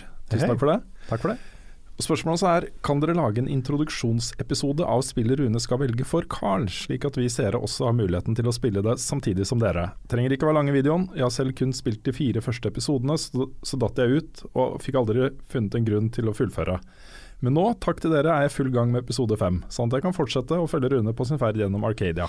Jeg ønsker hele Level Up-gjengen en god jul. God jul til deg også, Sigurd. god jul. Og tusen takk. Og tusen takk. Ja, det vi hadde, vi hadde jo egentlig planlagt å eh, avsløre det på slutten av siste episode. Ja. Men eh, det kan hende det er smartere å ha din egen video. Ja, fordi nå blir det jo jul, så uansett så skal vi ha cirka Det blir jo bare en ukes pause, tror jeg. Fordi vi kommer jo med siste episoden av, eh, av første sesong, eller hva man skal kalle det. Um, eh, kommer jo uken før julaften, Det gjør onsdagen før. Og så er det jo romjul, og da kommer det ikke noe. Og så begynner vi igjen rett over nyttår. Er det bestemt? For nå, nå kommer du veldig inn på et spørsmål som jeg sa etterpå. Raymond Alexander Lisen spør hva som skjer med kanalen i romjula.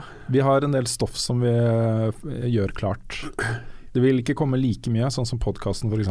For en Mm. ukes pause. Mm. Uh, de faste tingene våre for en ukes pause. Får det bare én ukes pause? Ja, vi er i gang igjen fra liksom 2. januar, som er første Uh, Og det er til og med en mandag. Ja, men vi skal ha podkast neste 22. desember. 22. desember blir det podkast. avtalt. Det tar vi ikke snakke om, så nå gjør vi det nå. Nei, det men fordi jeg var litt usikker på Nei. det, om vi hadde bestemt oss for det eller ikke. Nei, for jeg la ut på interngruppa på Facebook eh, spørsmål om eh, noen ville ha billetter til Assassin's Creed før premieren, så kunne Ja. vi ta podkasten der. Det stemmer, det. Og noen av oss har jo svart på det, så vi har i hvert fall billetter til de som har svart på det. Ja. jeg har ikke svart. Nei, men eh, jeg regner med at Jeg håper at du kan være med, for jeg har ordna billett til deg også. Ja, jeg er, jeg er down. Ja, for det er jo Så- den 21. Så gjør vi det samme riktig. som vi gjorde på Warcraft-filmen. Yeah. Da er ikke jeg akkurat det eh, Zoom. før uh, reise hjem til jul. Ta med Zoomen og lage podkasten der, sammen med Benjamin. Ja, Mm. det er koselig. Benjamin er jo han som har bidratt med noen klassikerinnslag og sånn for oss. Ja, Tor Benjamin Brekken Han uh, jobber nå i, uh, i Filmmagasinet, er det det? Eller Filmweb? Filmweb. Filmweb, ja. Mm. Uh, så har han nå filmtilnærminga til det. Så Mm. det er litt kult. Det er veldig kult. Ja. Han er en bra fyr. Veldig Altså. bra fyr. Og jeg har sett at han har og prata med Jennifer Lawrence og diverse. Så Og uh, Chris Da- Pratt. da vet man at han er en big shot. Mm. Men kan jeg, um, hvis ikke det er forbud, da uh, Jeg tenkte å lage Level App eh, i romjula. Bare gjør det. Så Feel free. Feel free. får vi se om vi kommer med en ekstra Christmas edition. Jeg vet ikke. Men for å svare på spørsmålet til Sigurd, da. Eh, Vi snakka Ja. litt om det før eh, sending. Så det vi tenker at vi gjør da, er at da legger vi ut første uka i januar en kort video hvor jeg sier hvilket spill du skal spille, Karl. Mm -hmm. uh, og så uh, tar vi første episode da uka etter. Ja. Ikke sant? Det blir uh, riktig. Mm. Så da er det mulig å følge med. Det er det. Så er det mulig mulig å bli med på, på, på reisen min gjennom veien jeg skal spille. Jeg vet ikke hva jeg skal spille. Nei, jeg er ikke helt sikker, jeg heller. Nei, nå, nå er det snart på tide å Det er det som gjør det så Like spennende. Ja, Ja. kjempespennende. Hva vil skje? Men jeg har et uh, spørsmål fra Christian Fjær... Vent da, Fjermeros. Sorry hvis jeg sier det feil, men um, hva har vært den største spillskuffelsen i 2016? Mighty number nine. Da fikk vi det vite den. Ja, nei, det, det må være det. For meg. Ja, for meg så tror jeg det ganske enkelt er Division. Mm. Ja, jeg er helt enig, helt enig med deg. Ja, Ja, Med tanke på hvor mye, hvor mye jeg hadde sett frem til det, og hvor jeg, jeg tenkte at det skulle bli bra. Nå har det jo kommet en Har det kommet en oppdatering? Har det det- kommet en oppdatering, eh, Lars? Greia er det at eh, noen ganger så slår det til en sånn her eh, dialektgreie hvor jeg skal liksom Mm, si dialekt. kømmi. Ja. Eh, og så eh, Da har det kømmi, vet du. Men eh, Og så blir det blanda med Oslo-dialekt, eller med etending. Da går det gærent, da. Ja, det gjør det. Uansett, det har kommet en oppdatering som da skulle ha fiksa til spille Mm. Uh, den har jeg dessverre ikke prøvd, men det har, det har kommet too late for meg. Ja, for meg også, så har det Mm. det. Det er synd når det kommer too late. Det er, det er dumt. Mm. Ja, du vet. Ja. Ja, nei, men det var det for meg også. Jeg syns Division var kjempegøy uh, helt til du kom til endgame content. Ja. Og så var det ikke noe gøy i det hele tatt. For meg, da, personlig. Nei, jeg er helt enig. Mm. Det blei uh, Det blei for kjipt, og balansen var ikke helt på G, og innholdet var Var bare sånn Hvor? Mm. Ja. Det Det var, derfor så var det også et vanskelig spill å anmelde, husker jeg. Fordi eh, hva skal man vurdere det ut fra? For jeg fikk jo liksom 20, 20 timer ish med god underholdning ut av det spillet. Mm. Jeg syns det var tøft og kult så lenge, så lenge det var det. Så, ja. Jeg hadde jo håpa at det skulle være et spill som kunne leve, leve lenger, da. mm. Men jeg tror det har fått den, de tingene nå, altså. Ja da, Men det er bare gjort så mye riktig nå ja. med den oppdateringa. Så hvis Så- du ikke har spilt det før, så er det på en måte nå er riktig tiden å gå, Ja. inn, gå inn, i det på. I hvert fall er det jeg hører av de som fortsatt har spilt det og prøvd det, syns det er, eh, syns det er bra. Mm. Men jeg Kanskje en vakker dag at jeg går inn i det igjen. Vi får se. Mm. Yes. Any other eh, questions? Mm. Jeg har et fra Raymond Johannessen på Patreon her. Okay. Han eh, skriver at han har en sønn på ni år som ønsker seg Nintendo 3DS med Pokémon Sun og Moon til jul. Men lurer på om det kanskje hadde vært bedre å vente til Nintendo Switch kommer, som i mine øyne tar livet av 3DS. Hva ville dere ha gjort? Det gjør den vel ikke? Gjør den det?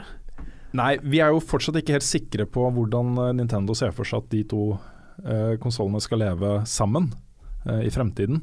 Nei. Og i og med at eh, Switch er også en håndholdt uh, konsoll, så kan man jo se for seg at de kanskje tenker at den skal fase ut 3DS-en etter hvert.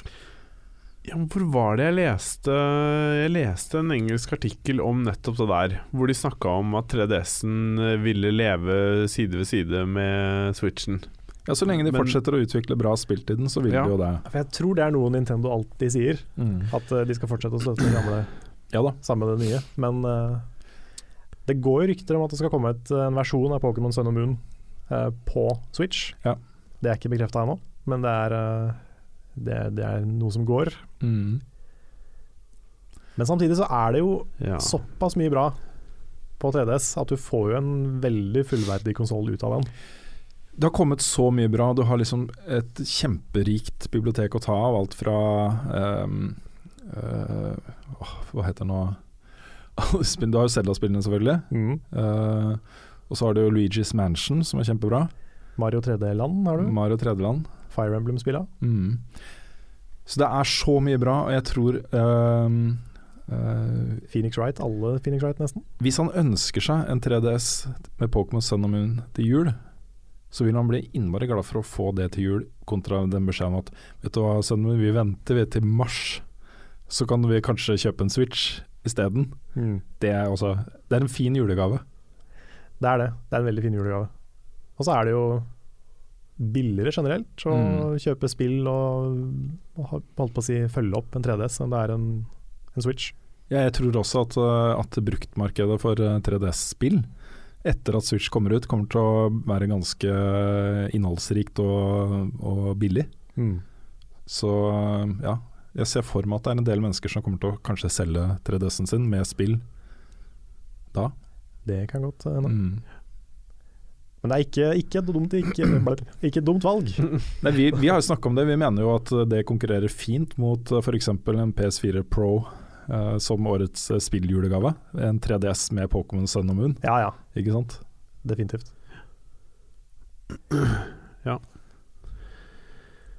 Har du noen spørsmål, uh, Lars? Ja, um, det har jeg faktisk. Og det um, fikk jeg lov å snakke om de ting vi glemte å snakke litt om i stad. For det var uh, Det er Daniel Alexander Johnsen som spør eh, til Lars hvilket Overwatch Christmas skin har du mest lyst på, og til alle?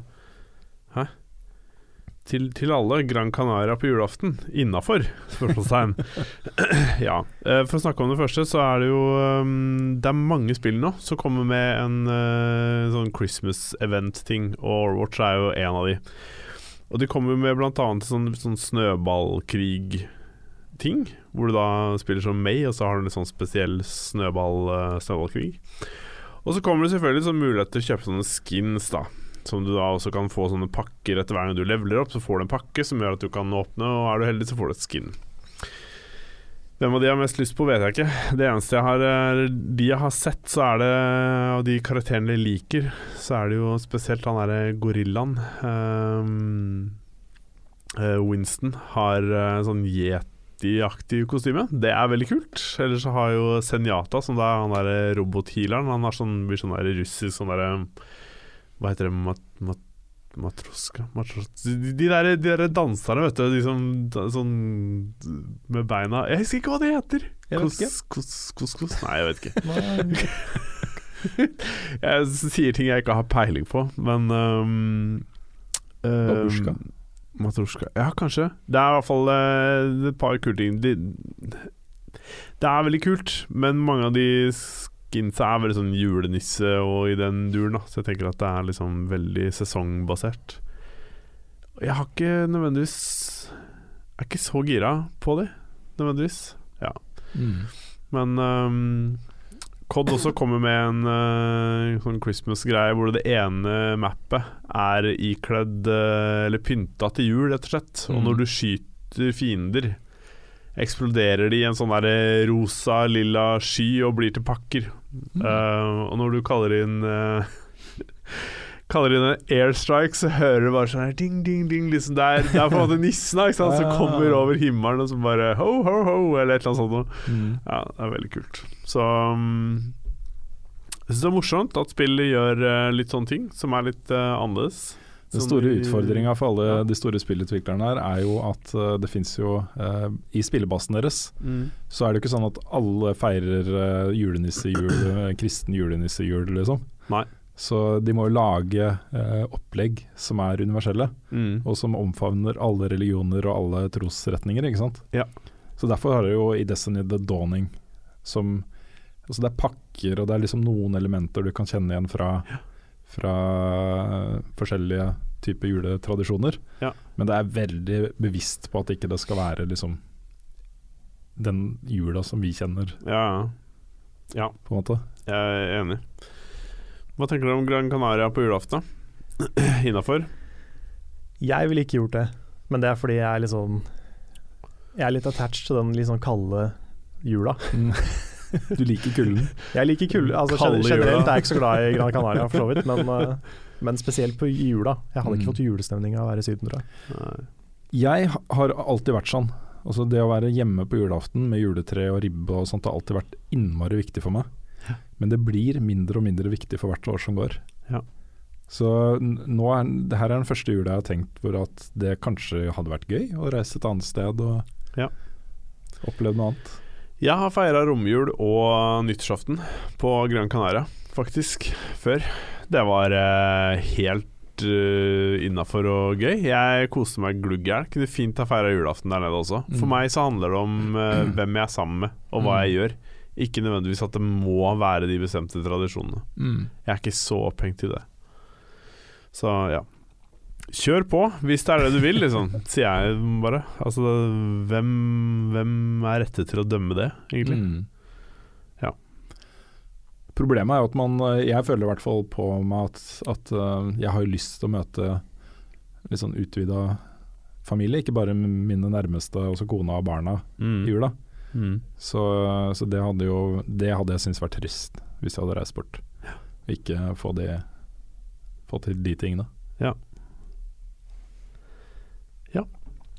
Jeg har uh, flere spørsmål, ja, altså hvis, du, Ja da. hvis vi skal kjøre på. Uh, James Remo Walker spør hva er deres julespill i år, og kommer det en anmeldelse fra, der, fra Steep? Av Steep, tenker jeg.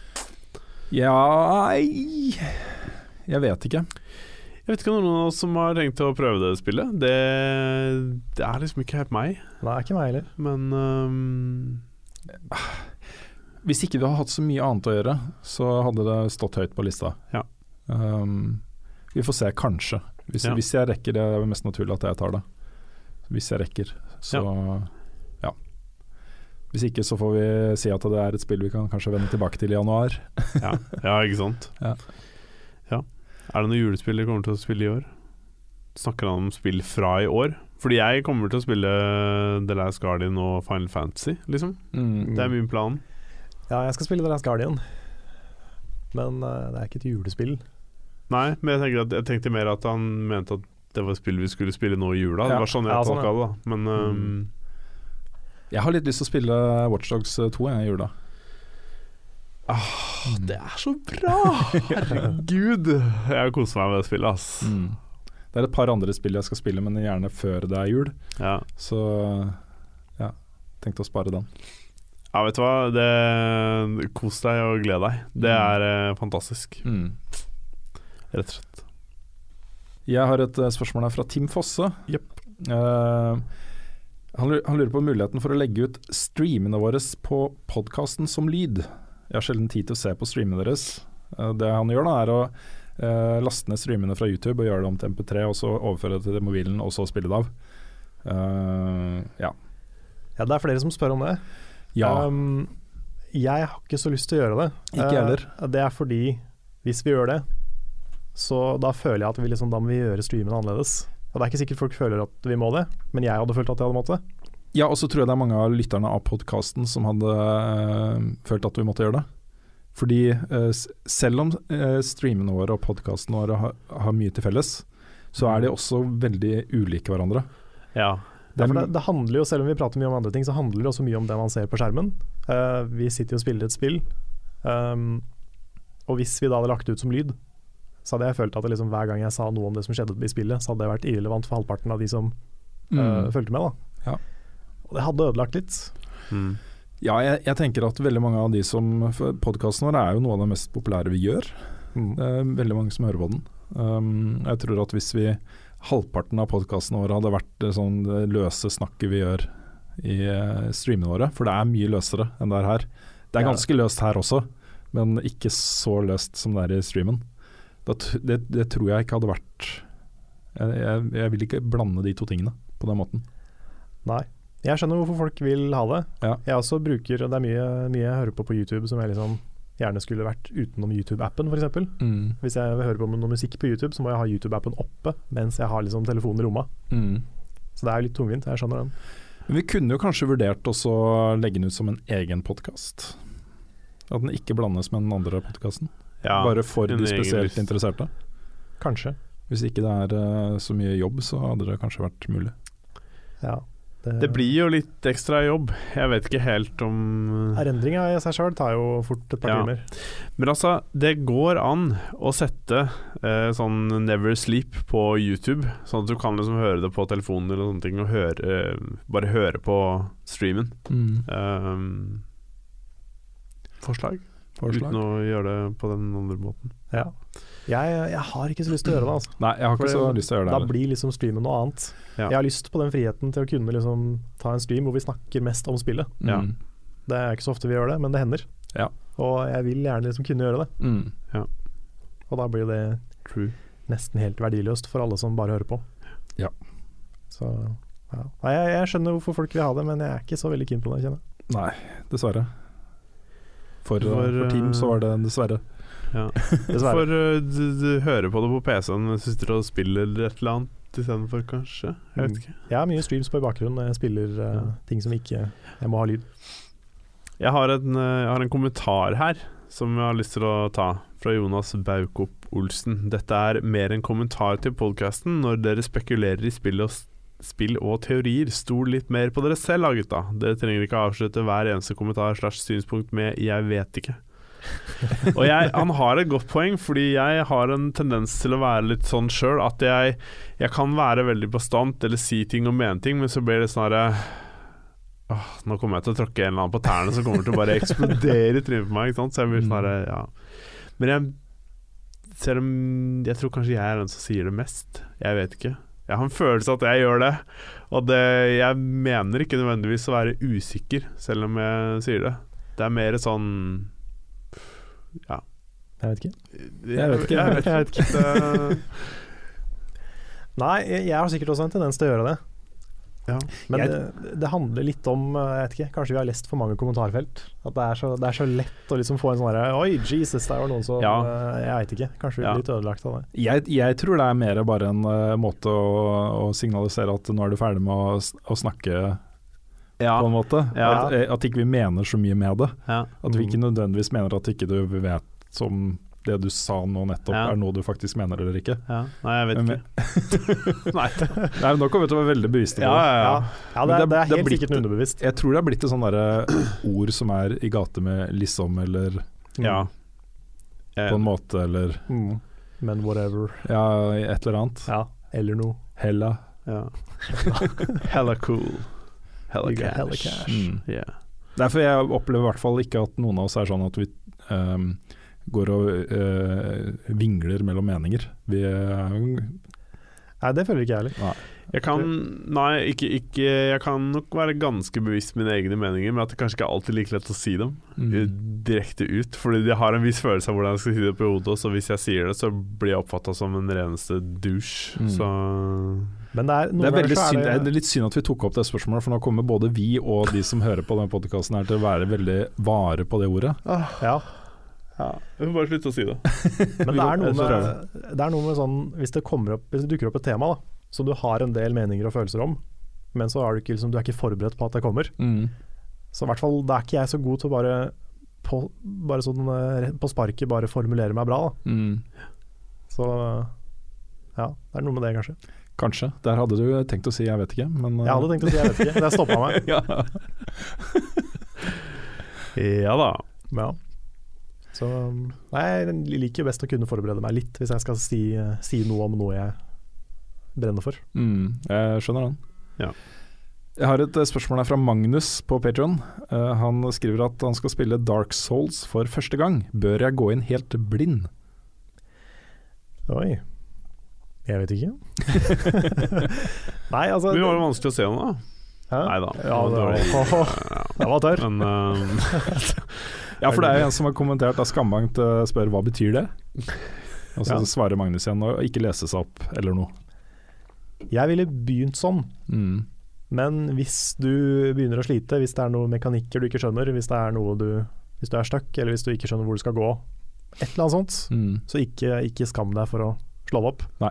Fordi det er ting i Dark Souls som er litt sånn community-basert, hvor noe av det er laga for at uh, fanbasen skal gå sammen og finne ut av ting. Mm. mm. Så det er ting som er så godt gjemt at du mest sannsynlig ikke finner det Mm. aleine i de spilla. Så ikke, ikke føl at du må spille det uten guide. Men uh, hvis du holdt på å si, hvis du orker, og hvis du tør, så gjerne prøv å komme til rulleteksten uten guide. Mm. Det gjorde jeg på Dark Souls 3, fordi jeg fikk det før lansering. Og det var ganske givende, egentlig. Mm. Å klare det. Å Ja. komme til liksom siste boss uten å bruke internett i det hele tatt. Mm. Det, det var kult. Ja, sånn, det, det er det jeg liker best med å få spill før lansering. Det er å bare være helt alene med det spillet. Det er ingen på nettet som mener noe som helst om spillene i det hele tatt, fordi de har ikke spilt det. ikke? Og det er embargo, de får ikke lov til å si noe om det før en sånn og sånn dato. Mm. Det er så digg. Det er så deilig å finne ut av ting helt på egen hånd. Fordi jeg, særlig hvis jeg har tidspress, så kan det hende at hvis jeg kommer til et sted i et spill og står fast litt for lenge, så har ikke jeg noe problem med å gå og finne en guide et eller annet sted. Det, er, det gjør jeg ganske ofte. Mm. Det er alltid bedre hvis man får det til selv. Det er det. Så ja. Yes. Jau. Ehm, jeg tror ikke vi, Det var ikke så veldig mye mer spørsmål igjen. Det var et par om um, Om Rogue One og Star Wars, men jeg har ikke sett den filmen. Så det blir vanskelig å si hva jeg syns om den. Jeg- Ja, jeg har ikke Har sett den selv. Det er flere jeg kjenner som har sett den, og Ja. som er helt ekstatiske. Som Ja. sier det er den Ja. beste Star Wars-filmen ever. Jeg har også hørt veldig gode ting om, om den. Ja, hvem var det som skrev det? var Alexander tror jeg, som skrev at den siste timen av det spillet er uh, Filmen. Filmen. Ja, ja, filmen. Mm. Er en endeløs rekke av sånne fantastiske øyeblikk. Wow. Så Ja, skal vi ta en tur på kino før jul? ja, jeg har Ja, veldig det- lyst til å se den, altså. Ja, Kjempelyst. Dritlyst til å se den. Vi skal vel det da neste uke, men uh, Vet du hva, vi, vi, vi bør nesten se den før Assassin's Creed. Så kan vi snakke litt om Star Wars også i den Ja, det er en god idé. Ja.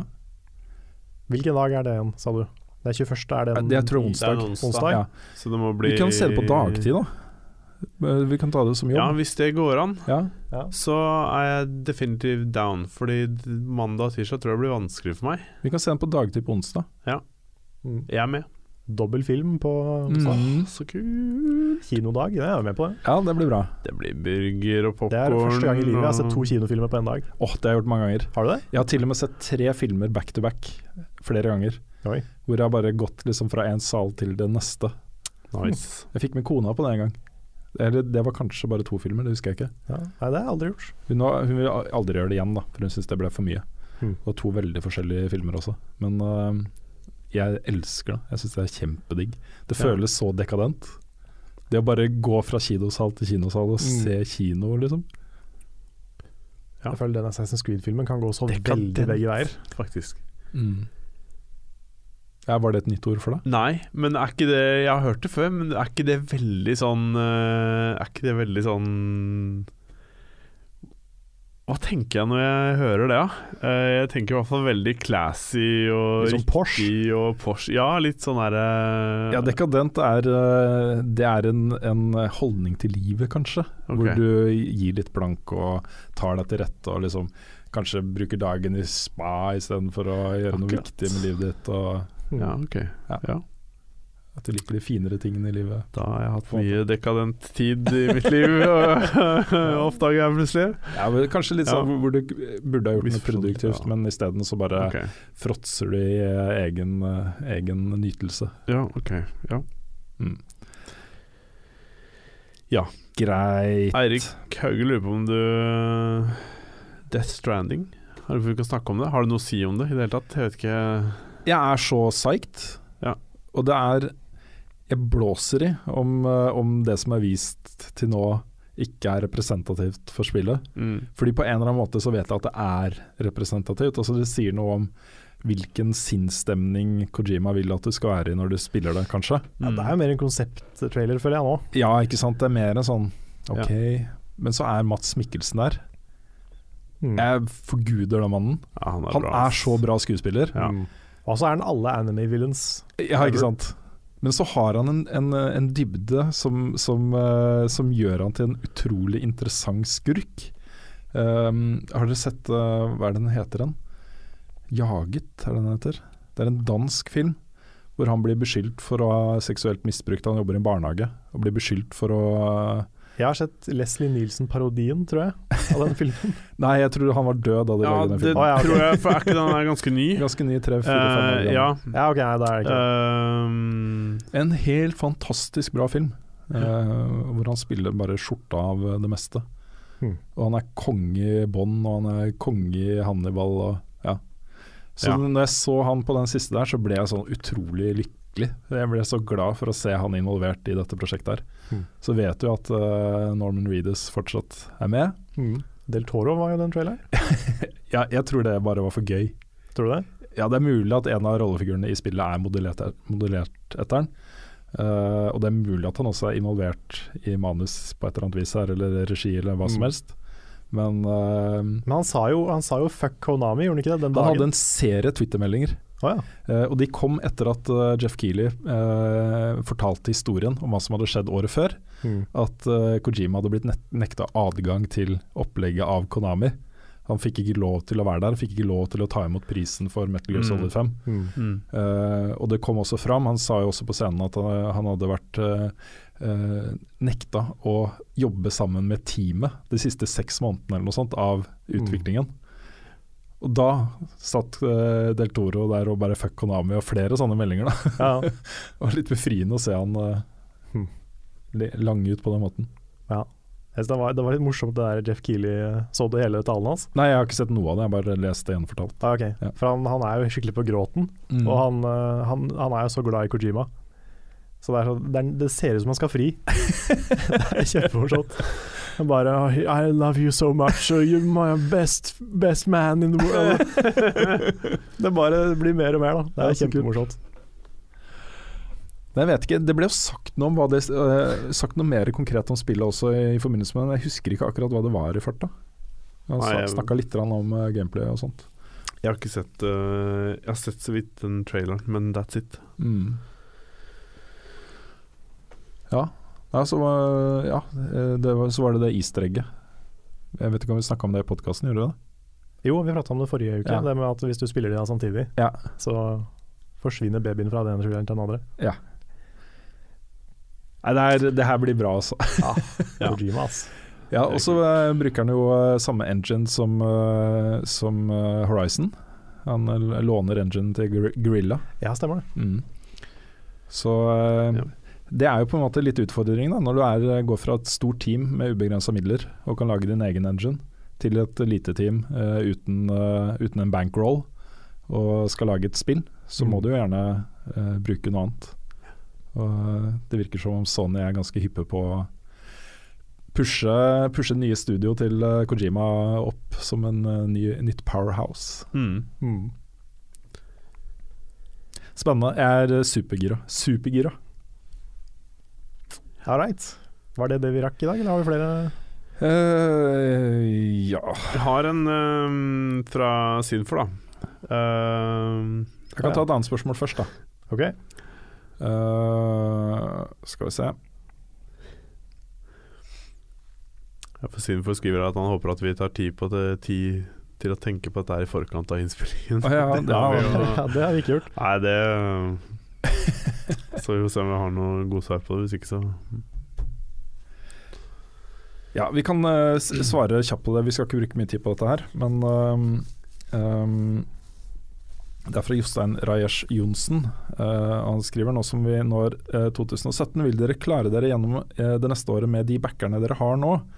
Hva kan vi ellers gjøre for å hjelpe annet enn å abonnere på Patreon og formidle kanalen deres til andre? Eh, det blir litt det samme som vi har sagt uh, flere ganger, men siden vi får det spørsmålet så ofte, uh, både her og på Patreon og på Facebook og sånne ting, så kan det være greit å nevne det igjen. Og svaret er jo at det vi får fra Patreon er ikke nok. Det er nok til at vi kan drive det godt ut i 2017, kanskje hele 2017 også. Litt Mm. avhengig av hvor flinke vi er til å bruke halvparten av de pengene vi hadde da vi jobba i VG. Ja. Men det er også sånn at du, Lars, alle de andre som bidrar mye til eh, Level Up, fortjener bedre betalt. Mm. Um, og det, det blir nok vanskelig Hvis dette er den eneste inntekten vår forever, så blir det vanskelig å, å drive det sånn i uh, uoversiktlig uh, Hva heter det? I oversiktlig framtid, uoversiktlig framtid. ja. Ja. eh, 2017 er safe uansett, liksom. Mm. Men beyond det, etter det, hvis Ja. vi fortsatt ikke har mer inntekter, så blir det vanskelig. Ja. Men det, jo, det, det handler jo også om mye mer enn Patreon. Det er det det gjør. Vi er uh, veldig nære en TV-avtale. Uh, vi er veldig nære sponsoravtaler. Uh, og alt dette kan ramle inn døra vår i januar. Uh, og da ser både 2017 og 2018 veldig bra ut. Mm. Så vi, eh, vi, vi Det er ikke sånn at vi sitter og tenker at hvis ikke vi får dobbelt så mange Patron-backere, så blir ikke dette noe av. Vi prøver også å finne andre inntektsmodeller. Uh, men jeg tror jo at på sikt, da, på lang sikt, så er abonnement eller Patron uh, det viktigste for oss uansett. Mm. Det er uh, rundt 1000 mennesker som backer oss på Patron nå, hvis det Mm. bare hadde vært 2000. Og det er ikke så mange mennesker. Nei, Så det er, det, det dette er har gått kjempebra. Og vi har, jo, vi har jo mange tusen seere, på en måte. Ja så hvis, eh, hvis nok av de konverterer, så har vi jo faktisk en bra Og det er liksom noe av grunnen til at Patreon er så bra også, det er det at vi vi kan jo på en måte Vi er helt immune mot å bli kansellert, f.eks. Ja. Vi er immune mot at en eller annen sjef skal komme inn og bare Nei, vet du hva, nå gidder vi ikke dere lenger. Mm. Vi kan gjøre akkurat som vi vil. Vi er helt frie Mm. til å fokusere på det vi vil og det vi føler er riktig. Og, og sånn. Mm. Og så det, er så, det er så powerful. Da. kjempepowerful, og så er det en dialog hele tiden. Mm. Uh, og både Filmetull og Level Update er jo vil jeg si et ganske direkte resultat av de tilbakemeldingene vi får fra de som backer oss på Patron, om hva de ønsker av innhold fra oss. Mm. Så det er på en måte Jeg syns det er så gøy at Fyll i Tull har blitt eh, så bra tatt imot. mm, Samme her. Det er, eh, det er veldig koselig. Mm, kjempehyggelig. Yes, det var det jeg hadde tenkt å si om den saken. Det skjer spennende ting i hvert fall. Jeg tror sånn januar-februar blir morsomme og spennende måneder for oss. Mm. Det gjør de. Mm. OK, er det sin for? Ja, vi kan uh, kjøre det. Yay! Ukens Sin4. Dette er dagens vanskeligste. Hvis det skulle lages et spill basert på en historisk happening her i Norge mellom år 500 til 2016, og spillet måtte være RPG, hva ville det omhandlet, og hvilket navn ville dere valgt som er typisk RPG, men med norsk preg? PS håper dere tar tid til å tenke på dette i forkant av innspillingen. Ok, det var et utrolig spesifikt eh, spørsmål. Jeg, jeg vet. Ja, det det er, vi skal lage et RPG-spill av en norsk happening. Det, altså, definitivt noe vi burde tenkt på på forhånd. ja, men er det liksom uh, slaget på Stiklestad? Jeg vet ikke. Ja, men, men hva, Eh, mellom år, hva var det? 500 til 2016. Jeg vet jo ikke hva som skjedde de åra der. Holdt på å si hva som skjedde før år 500 og etter år 500. Nei, jeg vet heller ikke hva som er de, de, de største norske historiske begivenhetene.